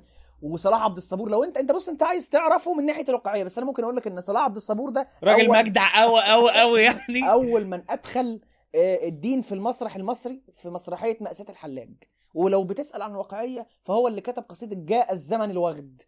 واكتب في أ- عمال أملي أملي في الأدب. لا أنا يعني إيه؟ أنا perfected الأدب ده مع إنه سخيف جدا وما هوش أدب ولا حاجة. إحنا طالعين حافظين أدب. لكن أنت إيه؟ لو وريتك قصه قلت لك دي واقعية ولا مش واقعية؟ تقول لي مش عارف. مش عارف إيه دي. بس كنت بعمل إيه؟ كنت بمسك المذكرات واقعد اعيد وازيد فيها في الصالة واشرحها للكنب والكراسي والاباليك اللي في الحيطة واعيد وازيد لدرجة ان أنا كنت تسألني السؤال والله العظيم ممكن أقول لك هو السؤال ده اجابته فين في الصفحة؟ والاستشهاد ده فين في الصفحة؟ ولون المذكرة. ده في المذكره الصفراء والبيت ده في نص من كتر ما أنا فرمت ام الادب حفظ. في في استشهادات حافظها لحد دلوقتي. كان بس طبعا نسيت منهم حاجات اللي بقالها كام؟ بقالها سبع سنين. اللي هو كان في استشهاد بي... بيخليني اعمل كده. اللي هو حينما اللحد يدنو و... آه، حينما الموت يدنو واللحد يصغر فاه مش عارف بص في إيه تجد في المهد في, ال... في اللحد مهد الحياة. حاجة كده. وطبعا سكت فغر أعداء السكوت وظنوني آه. خلقت من ال- الحديد أشد صلبا وقد بلي الحديد ولم وليت. آه، أنا فاكر قصيدة أسئلة الأشجار كلها. لأن أنا أكتر درس كنت فاهمه وشاطفه مش حافظه بس الواقعية أدب الواقعية. مع إن أنا يعني سألتني في ليالي الأشجار أن نلقي أنفسنا في التيار أن نتجه للنهر القادم من أعماق اليأس إلى أقصى المجهول ثم نفر من الغول. هنا بيقول لك الكائن الأسطوري الغول والعنقاء ومش عارف إيه وإن هم ما بيلتزموش بقافية كل بيتين بمزاجهم ماشيين بوزن عاوز معين. الدكتور عبد الوهاب المسيري؟ إزاي؟ بس هو كان بيتكلم على الواقعية. الدكتور عبد الوهاب المسيري ليه ليه؟ الواقعية حاجة حاجة غريبة جدا طبعا. كلها سواد آه، سواد الإنسان أسود حاجة كآبة يعني. فالأدب كان جميل والبلاغة عسل. آه، فاكر كان علينا أول نص آه، غربة وحنين. غربة وحنين. اختلاف النهار والليل ينسي اذكر لي الصبا وأيام أنسي. وبعدين كم تشتكي وتقول أنك معدم والأرض ملكك والسماء والانجم ولك الحقول وزهرها وأريجها ونسيمها والبلبل لا مؤاخذة المترنم الماء حولك فضة رقراقة إلى آخر النص. آه بس ما كانش إحنا أيامنا بقى بتاعت مي وأحمد شوقي لا سعاد لا دخلت سعاد ولا عملت إيه؟ سعاد مش عارف. يا عم ده لطفي ده لطفي بوشناق. سعاد إيه اللي مش عارف أنا- وكان عندنا برضو نسيتها لي أنت. الشاعر اللي كان بيحب الدنيا ده وكاتب زمان عارف اللي هو إيه؟ صحابه قال له معاه فكتب قصيدة كده كان بت... ال... كم حدثوا عن كم حدثوا عن شاعر نابغ مجود الشعر شريف المقال لم يعشق الغيد لكنه هام ببكر من بنات الخيال. صورة حسن صاغها حس... مش عارف لبه وحدها في الحسن حد الكمال. اللي هو آه الشعر وصورة الكمال. آه. كان في بنت كده اسمها مش عارف إيه مارينا نظمي أو حاجة كانت بتغني نصوص الثانوية العامة. أنا لسه اللحن بتاعها في وداني لحد دلوقتي. آه كانت ممتعة الحتة بتاعت ومواطن الجمال وال... ورأي النقاد اللي هو والكوايتة اللي مش كوايتة يا عم جمال يا كاظمي اللي هي واحد إحنا مش عارفين. بص هو انت عارف لما مثلا إيه لما انت بتدرس مثلا فيلم عامل لي قلق في الديرة مش خلي بالك طارق الشناوي قال عليه كذا ممكن تحفظ طارق الشناوي آه يعني انت أنت ما ما اتعلمتش إزاي تنقد والنقد ده باب كبير يعني. هو أنا أفتكر إن هو مش عارف مين عاب على أحمد شوقي في قدام. من- لا يا ابني ده أي قدام بقى لا أزرق. قدام من يتعلموا دي كان إيليا أبو ماضي. مش عارف إيه هو إيه اسمه إيليا ولا إيليا دي كلمة وحشة ولا إيه؟ اللي هو قدام قال لك دي تأثر باللهجة ال- مش عارف إيه بتاعته. لا في غربة وحنين لما أحمد شوقي قال وطني لو شغلت بالخلد عنه نزعتني اليه في الخلد نفسي. قال له دي الجنة يا أستاذ دي الجنة. وطنك إيه يا أبو وطن اللي أحسن من الجنة. صح عندهم حق. إيه اللي. الهبل ده؟ ده ماشي. هبل بجد بس يعني طيب أنا أنا واحد كسمعت الكلام ده ماشي أشباح بس أنا مش شايف إن هي محتاجة. احفظ احفظ رأي النقاد هنا. أنا مش شايف إن هو محتاجة يعني. طبعا ال... ال... برضه هي كانت قصة. الأيام. وعارف مشكلة الأيام كانت إيه؟ سيبك بقى من حكايه إحنا كنا برضه بنصيح الصياح بتاع إيه؟ الأرانب والعسل والحاجات دي. والبليلة. يعني واحد زي طه حسين عميد الأدب العربي. وطبعا لا يمكن لأي أحد سواء متفق أو مختلف أن ينكر قيمه طه حسين. مهما اختلفت معاه عن بقى حكاية في الشعر الجاهلي و عن الشعر الجاهلي عن الشعر الجاهلي وطبعا أستاذ محمود شاكر رد عليه وكان رد مستفيض يعني. هو رد عليه هو رد عليه بحق. هو رد عليه بحق. آه. آه وإن هو كان ليه آراء برضو عن عن التأثر بالثقافة الغربية آراء شديدة ال- السذاجة. والبلاهة اللي هو إيه أنت لازم تتبقى فيما معناه يعني أتبني النموذج الغربي بمساوئه قبل حسناته. إيه العته ده؟ هو طالع من بيئة برضو قحط ما هو ده نموذج القروي ما علينا بس. بس على الرغم من ذلك أنت لا تنكر قيمته و... للغة العربية. طب إحنا ليه ما درسناش؟ هو درس؟ أنت القصة بتنتهي لما كبر. هو كده اللغط بتاع محمد عبده اللي هو عليه 100 علامة استفهام الراجل ده أنا ما آه ما لا محمد عبده أي حد بلاقيه بي- بيستهل كلام يقول لي الإمام محمد عبده أنا حطيت X عليك. هو بقى إيه؟ كان من يعني مش هنقول متأثر بيه ولكنه من مريديه أو أو معجب بآرائه. في بقى حوار حصل وتقريبا طه حسين اترفض من الأزهر وفقا للمسلسل يعني أو حاجة كده. المنهج بيخلص هنا. وبعد كده بنروح كده لحتة قدام إيه؟ وهو بيحكي البت باين. ده حاجة تافهة. لا الملخص ده ملخص لإيه؟ ده واحد تحدى الإعاقة وطلع من الأرياف وتعلم وأزهر وبعدين فرنسا ومش عارف اتعلمت إيه أنا من قصته دي؟ أنت أنا مالي ماشي. إحنا فعلا قعدنا كتير قوي في حتة إن هو عيل؟ صغير. الفصل الرابع. اللي كل الدنيا ماتت فيه إلبس ده. أسود وعارف اللي هو رجاء الجداوي في في الواد سيد الشغال. أنا عايزة تشلشلي دي.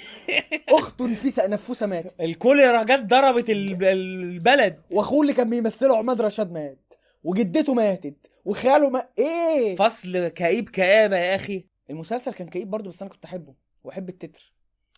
ففعلا أنت أحمد زكي كان حلو جدا فيه. أنت بتحرق كتير في إيه؟ يجي لك واحد برضه قول لي عمل إيه؟ إحنا برضو ما عرفناش طه حسين عمل إيه. من الناس اللي هم خريجين ثانوية 89 مثلا. لك الجيل ده أنتوا جيل أنتوا جيل حمو بيكا. مش عايزين تاخدوا قصة الأيام. انت ما قريتش أمها أصلا ما تزيدش. انت عارف بس إنها طه حسين وفرحان بالاسم.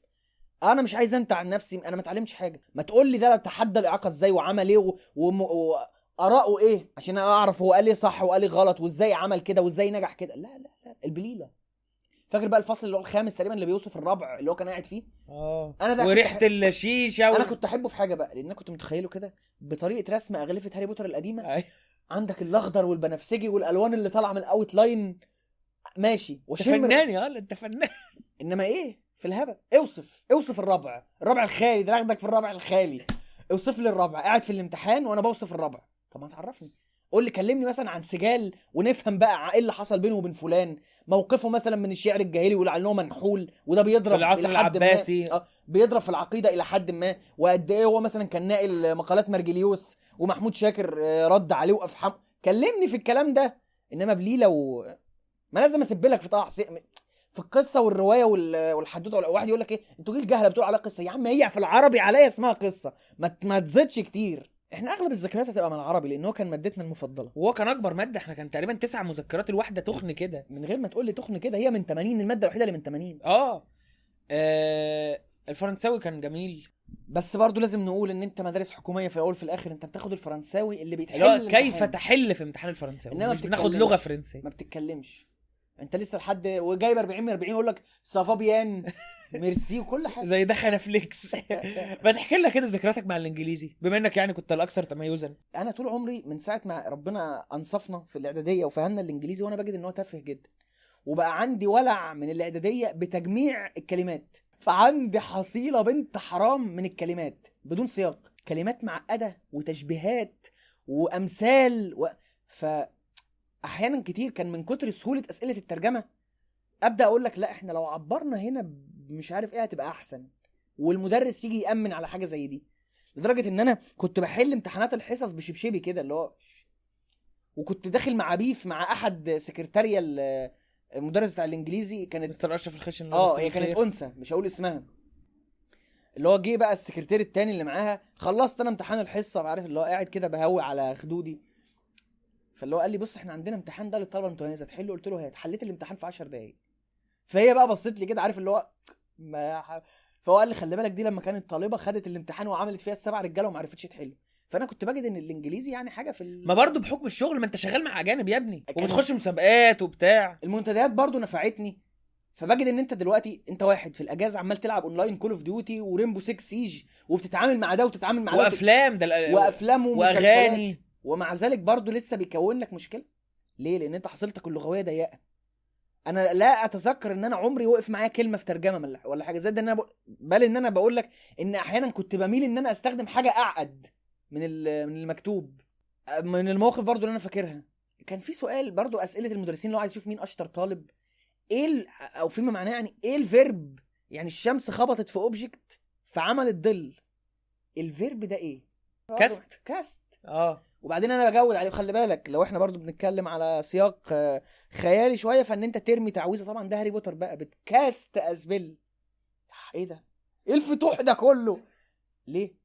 حصيلة لغوية كبيرة. فيجي بقى سؤال واحد بيتكلم مع مرات اخوه في مطبخ وبيضربوا اومليت يخليني أجيب 48 ونص. المدرس كان قرفان يبص في وشي. يعني أنا ما أعرفش ليه قصة سجين زنده دي. أنا كنت قاعد بسمعها بقمة الشغف والمتعة عشان. مستر أشرف كان بيشرحها حلو. لو كنت بحفظ الأسئلة بالإجابة بالنقطة بالفاصلة بال أنت كده ما بتستفدش حاجة من قراية الرواية. ولكن برضو الإنجليزي كان الإنجليزي كان حلو.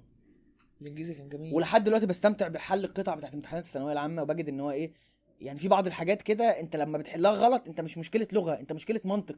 أنت منطقك بايظ في الحياة. زي مرة مش عارف دفعة إيه اللي جالها السؤال بتاع العيون. 20 eyes ولا 10 eyes ولا مش عارف إيه. أنت عندك مشكلة في المنطق لما تحل حاجات زي دي غلط. بس وعدت السنة. أنا أفتكر اخر آخر يوم امتحانات. كان الجبر وال لا كان إعادة الديناميكا؟ لا لا, كان الجبر والهندسة الفرعية. هتكناها الواحد كان طالع كده ال- أكنك بتشوف العالم بالألوان. خلاص بقى اللي حبسك خلاص مات. يعني كان قمة المتعة. حسيت الإحساس ده وأنا بكتب اسمي لآخر امتحان في الكلية. هتحس أنت قريب إن شاء الله يعني. اللي هو خلاص يعني مفيش دفاتر إجابة وتاريخ واسم وتقسيم خلاص كده خلصت. بتبقى أحاسيس كده ميتافيزيقية ما تعرفش توصفها كده لا، حاجة حاجة جواك كده. الناس هتبدأ تصحى ويشتغلوا فندخل في النصايح ونحاول على قد ما نقدر نخلي الموضوع ليه نسق. ليه نسق؟ يعني أول عايز حاجة تكتب حاجة؟ هقول أنا ممكن أقول حاجة في البداية إن هي سنة زي أي سنة. يعني على الرغم من تعليب الجملة دي إلا إن إحنا ممكن نضيف عليه شوية تعليقات. ثانوية عامة سنة زي أي سنة في الظروف مش زي أي سنة. طب ليه سنة زي أي سنة؟ منهج وبتمتحن فيه وخلاص. هو يعني في سنة طلب منك تعمل بحث علمي في دي؟ زيها زي كل السنين. منهج بتذاكر تفهم تحل. وخلاص في الامتحان. إنما ظروف مش زي أي سنة. يعني أبسط حاجة أنت تاخدها one shot ال stakes برضو والضغطه والأمال. دي تاني حاجة. أول حاجة أنت بقول لك بتمتحن السنة كلها. واحدة. أنت متعود ترم وترمي نص المنهج ورا ظهرك وتبدأ نص تاني. فدي بتاخدها كتير. فلو أنت بادئ بغشومية وبتذاكر في الأول بتلاقي إن أنت بالكتير قوي ثلاث شهور وفيصت. عمال تبص حاسس إن اللي جاي لسه بعيد وخايف كل ما تتعمق في المنهج. وحكاية زي ما أنت بتقول هي واخدة هالة كده وهي لازم تاخد هالة ما هي آخر حاجة في التعليم المقابل جامعي ولما يبقى متوقف عليها دخولك الكلية لازم تاخد هالة. لأن أنت خلي بالك أنت داخل بعديها minimum أربع سنين. يعني إيه؟ يعني 8 midterm ات 8 final ات فأنت ما خلصتش تعليم. اهدى وبلاش أفورة الناس اللي بتقعد مثلا إيه يبداوا يتعافوا من ذكرى الثانوية وهم في ثالثه كلية. خلاص خلاص القفا اتاخد وخلاص. وعشان الكلام يبقى موزون أكتر إحنا بن... بنستهدف بكلامنا في الغالب العيال اللي خلصت ثانوية. ما أنا قلت الأول هقول للي ده لسه داخلين وبعد كده هنخلص آه، ن- أتكلم عن اللي لسه داخلين. هي فيها وزنية ما بين إن أنت ما تتطرفش وما ترميهاش. هي وزنية كده.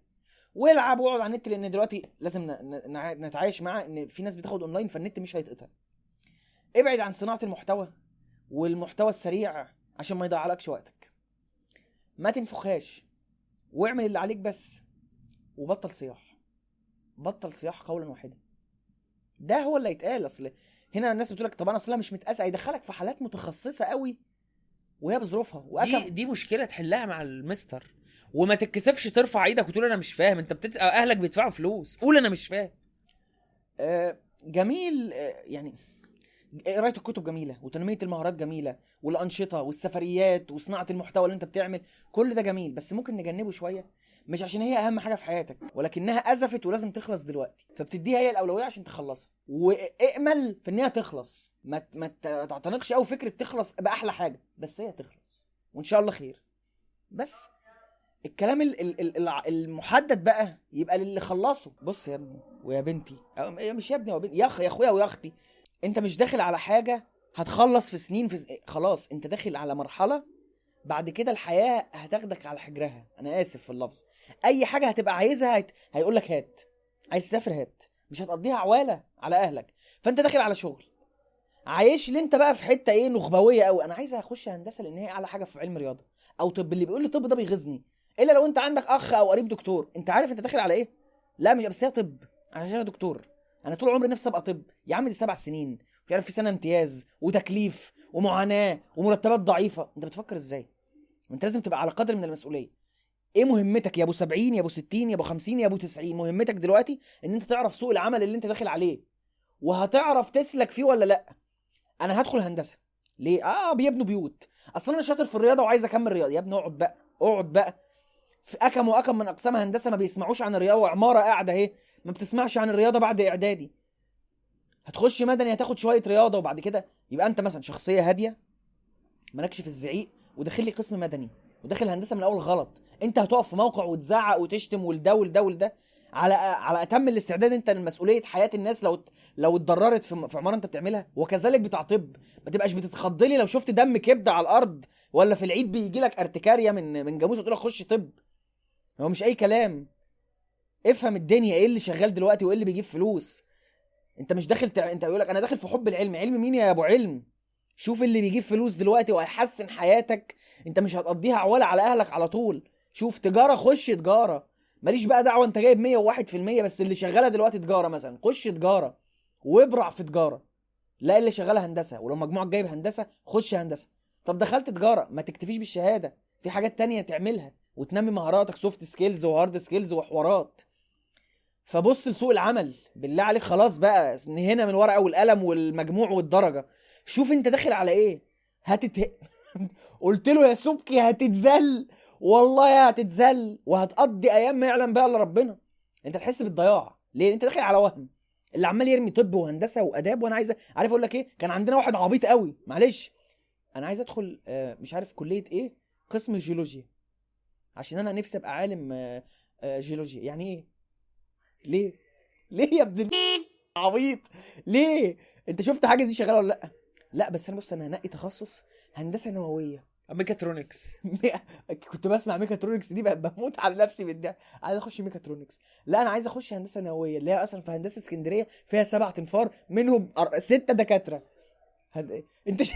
انت شايفنا يعني شيرنوبل على كل إمة. ما تهدى على نفسك بص انت التخصص ده مطلوب جدا في ألمانيا. يا عم اقعد. مطلوب جدا في ألمانيا. انت لاقي فرصة عمل هنا لما هتلاقي اللي يسفرك ألمانيا. ما تهدى على نفسك. خش كلية علوم. ليه تخ... مش ليه تخش كلية علوم؟ انت عارف هتشتغل إيه بكليه علوم؟ اخش بقى تجارة وخلاص. اللي يخش تجارة ده بالنسبة له الدنيا انتهت. لا ما انت ممكن تشتغل آه، في ال HR في شركات. ال human resources برضو مطلوبة دلوقتي. تبقى محاسب تاخد لك شهادات. اللي دخل حقوق ده بالنسبة له كده أنا فقدت. أروح أشتغل أروح أشتغل إيه مثلا؟ شوبش أفراح. عرضحالجي. أشتغل عرض يا عم لا ما تجتهد وتخش كورسات في النقابة وتنمي نفسك وتروح تشتغل في مكتب والدنيا هتمشي معاك. الخلاصة في النصيحة الطويلة دي انسى الورقة والقلم والمادة. انت داخل على حياة عملية دلوقتي. وفي فلوس وفي شغل وسوق عمل. اقرأ عنه وافهم. أهلك نحيهم على جنب كامل الاحترام ليهم. بس انت بترفع عنهم العبء. خش الكلية دي وما تشتغلش بيها. وت... وتخليهم يصرفوا عليك تاني. انت كده بسطتهم اتبسطوا بيك قوي كده. والكلام ده البنات وولاد. بس. هقول برضو آه، اوعى تعتقد يعني ال- ال- اللي مثلا ما جابش مجموع لأن النتيجة لسه طالعة من حبة. يعني اوعى تعتقد إن العالم الكبير ده الناس ماشية مع بعض في الشارع تسأل انت جبت كام في ثانوية عامة؟ انت مجموعك كام؟ يعني الدنيا أعقد من ذلك وأهلك اللي أنت حاسسهم دلوقتي متأثرين وبيولولوا وبيشلشلوا الموضوع مش هياخد منهم أكتر من ثلاث شهور بس إيه أول ما تلاقوك رايح رايح فين يا حمادة؟ رايح الكلية جاي منين يا زفت؟ حمادة جاي من الكلية خلاص هينسوا ثانوية عامة دي وكأنها لم تكن ومش هتبقى هي العقبة اللي في حياتك. الفيصل دلوقتي زي ما أنت قلت تشتغل الفلوس. عشان أنت الفلوس. الفلوس. فلازم يعني تشتغل. أي حاجة. قدامك سكتين. مفسر له حلم. يا أنت كان في كلية أنت محددها؟ وداخل عليها يا إما أنت مجموعك اضطرك تخش كلية تانية. لو في كلية أنت كنت محددها ودخلت عليها الفترة ال- لحد ما الدراسة تبدأ الشهر اللي فاضل ده أو الشهرين مش هقول لك ذاكر الكلية لكن شوف مكانها. طالما بطاقة الترشيح طلعت لك بتاعت التنسيق روح الكلية لف في كده في المكان آه، فيها شوف المباني بتاعتها عاملة إزاي واعقد النية إن أنت هتمشي فيها حلو وربنا يكرمك. ويبقى كده ربنا برضو كرمك إن هو حطك في مكان أنت عايزه. طب لو أنت ربنا سألك كلية أنت ما كنتش محددها ثق وتأكد إن ربنا عمل كده لحكمة أنت لا تعلمها هتعلمها بعدين ما بتعلمهاش دلوقتي. ما صدقتش كل عشان برضو إيه؟ أنا أنا ما بحبش المراهق اللي هو إيه؟ طب ما أنا دعيت على فكرة أنا لسه شايف تويتر اللي هو إيه؟ ما أنا دعيت يا رب أجيب مجموع وما أجيبش مجموع. تخيل إن في عيال انحدت بسبب الموضوع ده؟ عبيط طبعا. أنت واثق من حلك أكتر ما أنت واثق في اختيار الإله. أنا واثق إن أنا حليت. بس مش واثق بقى ربنا خلي خد لي القرار الصح ولا لأ. إيه حلك يا ابني؟ أقسم بالله أنت لو لو حد فيهم مر بتجربة إعادة تصحيح وتشوف منظرك لباس إزاي وتشوف حلك عارف اللي هو إيه؟ كأنك بتبص على بوستاتك وأنت عندك تسع سنين. مين الك- مين الكلب اللي كتب الكلام ده؟ أنا اللي كاتب ده.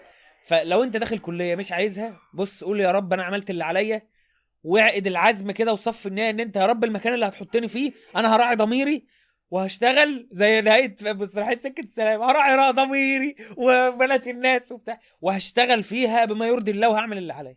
مش مطلوب منك أكتر من كده. والأهم في الكلية أنت كنا في ثانوية عامة الأهم المذاكرة بس. الأهم في الكلية في حاجات تانية. دي ممكن نبقى نتكلم عنها في حلقة الكلية. في اجتماعيات في تنمية ذات آه، في, في نضج أنت بتتعرض له. دي حاجات برضو لازم تركز عليها بنفس القدر اللي هتذاكر. اوعى تعتقد إن الكلية أسهل من ثانوية. قطعا لا. لا انت هتتهبل. بس ما فيهاش ال ال الغلاسة. بتاعت ثانوي. والض... لا انت بتروح وتيجي وبتتعرف على ناس وده لازم ت... دي مشكلة بقى انت دي بقى في الكلية بقى. دي في حلقه الكلية لازم وأنواع. الطلاب بتوع الكلية والنماذج اللي هتقابلها. آه ده شغل اللي جاي بقى، 2013 ده اللي جاي. يا عم إحنا 2013 إحنا داخلين 2000 لا اللي هو حكايه أنواع الطلاب آه الأبراج والحاجات دي. آه بس أنا صوتي هو اتنبح يمكن حاسس إن إحنا ما, ما صوتي اتنبح صوتي اتنبح إحنا است... استهلكنا المجهود إحنا فعلا بنسجل بقالنا بتاع ست ساعات والكاميرات عمالة تفصل وحاجة بن... حلقة متعسرة بصراحة.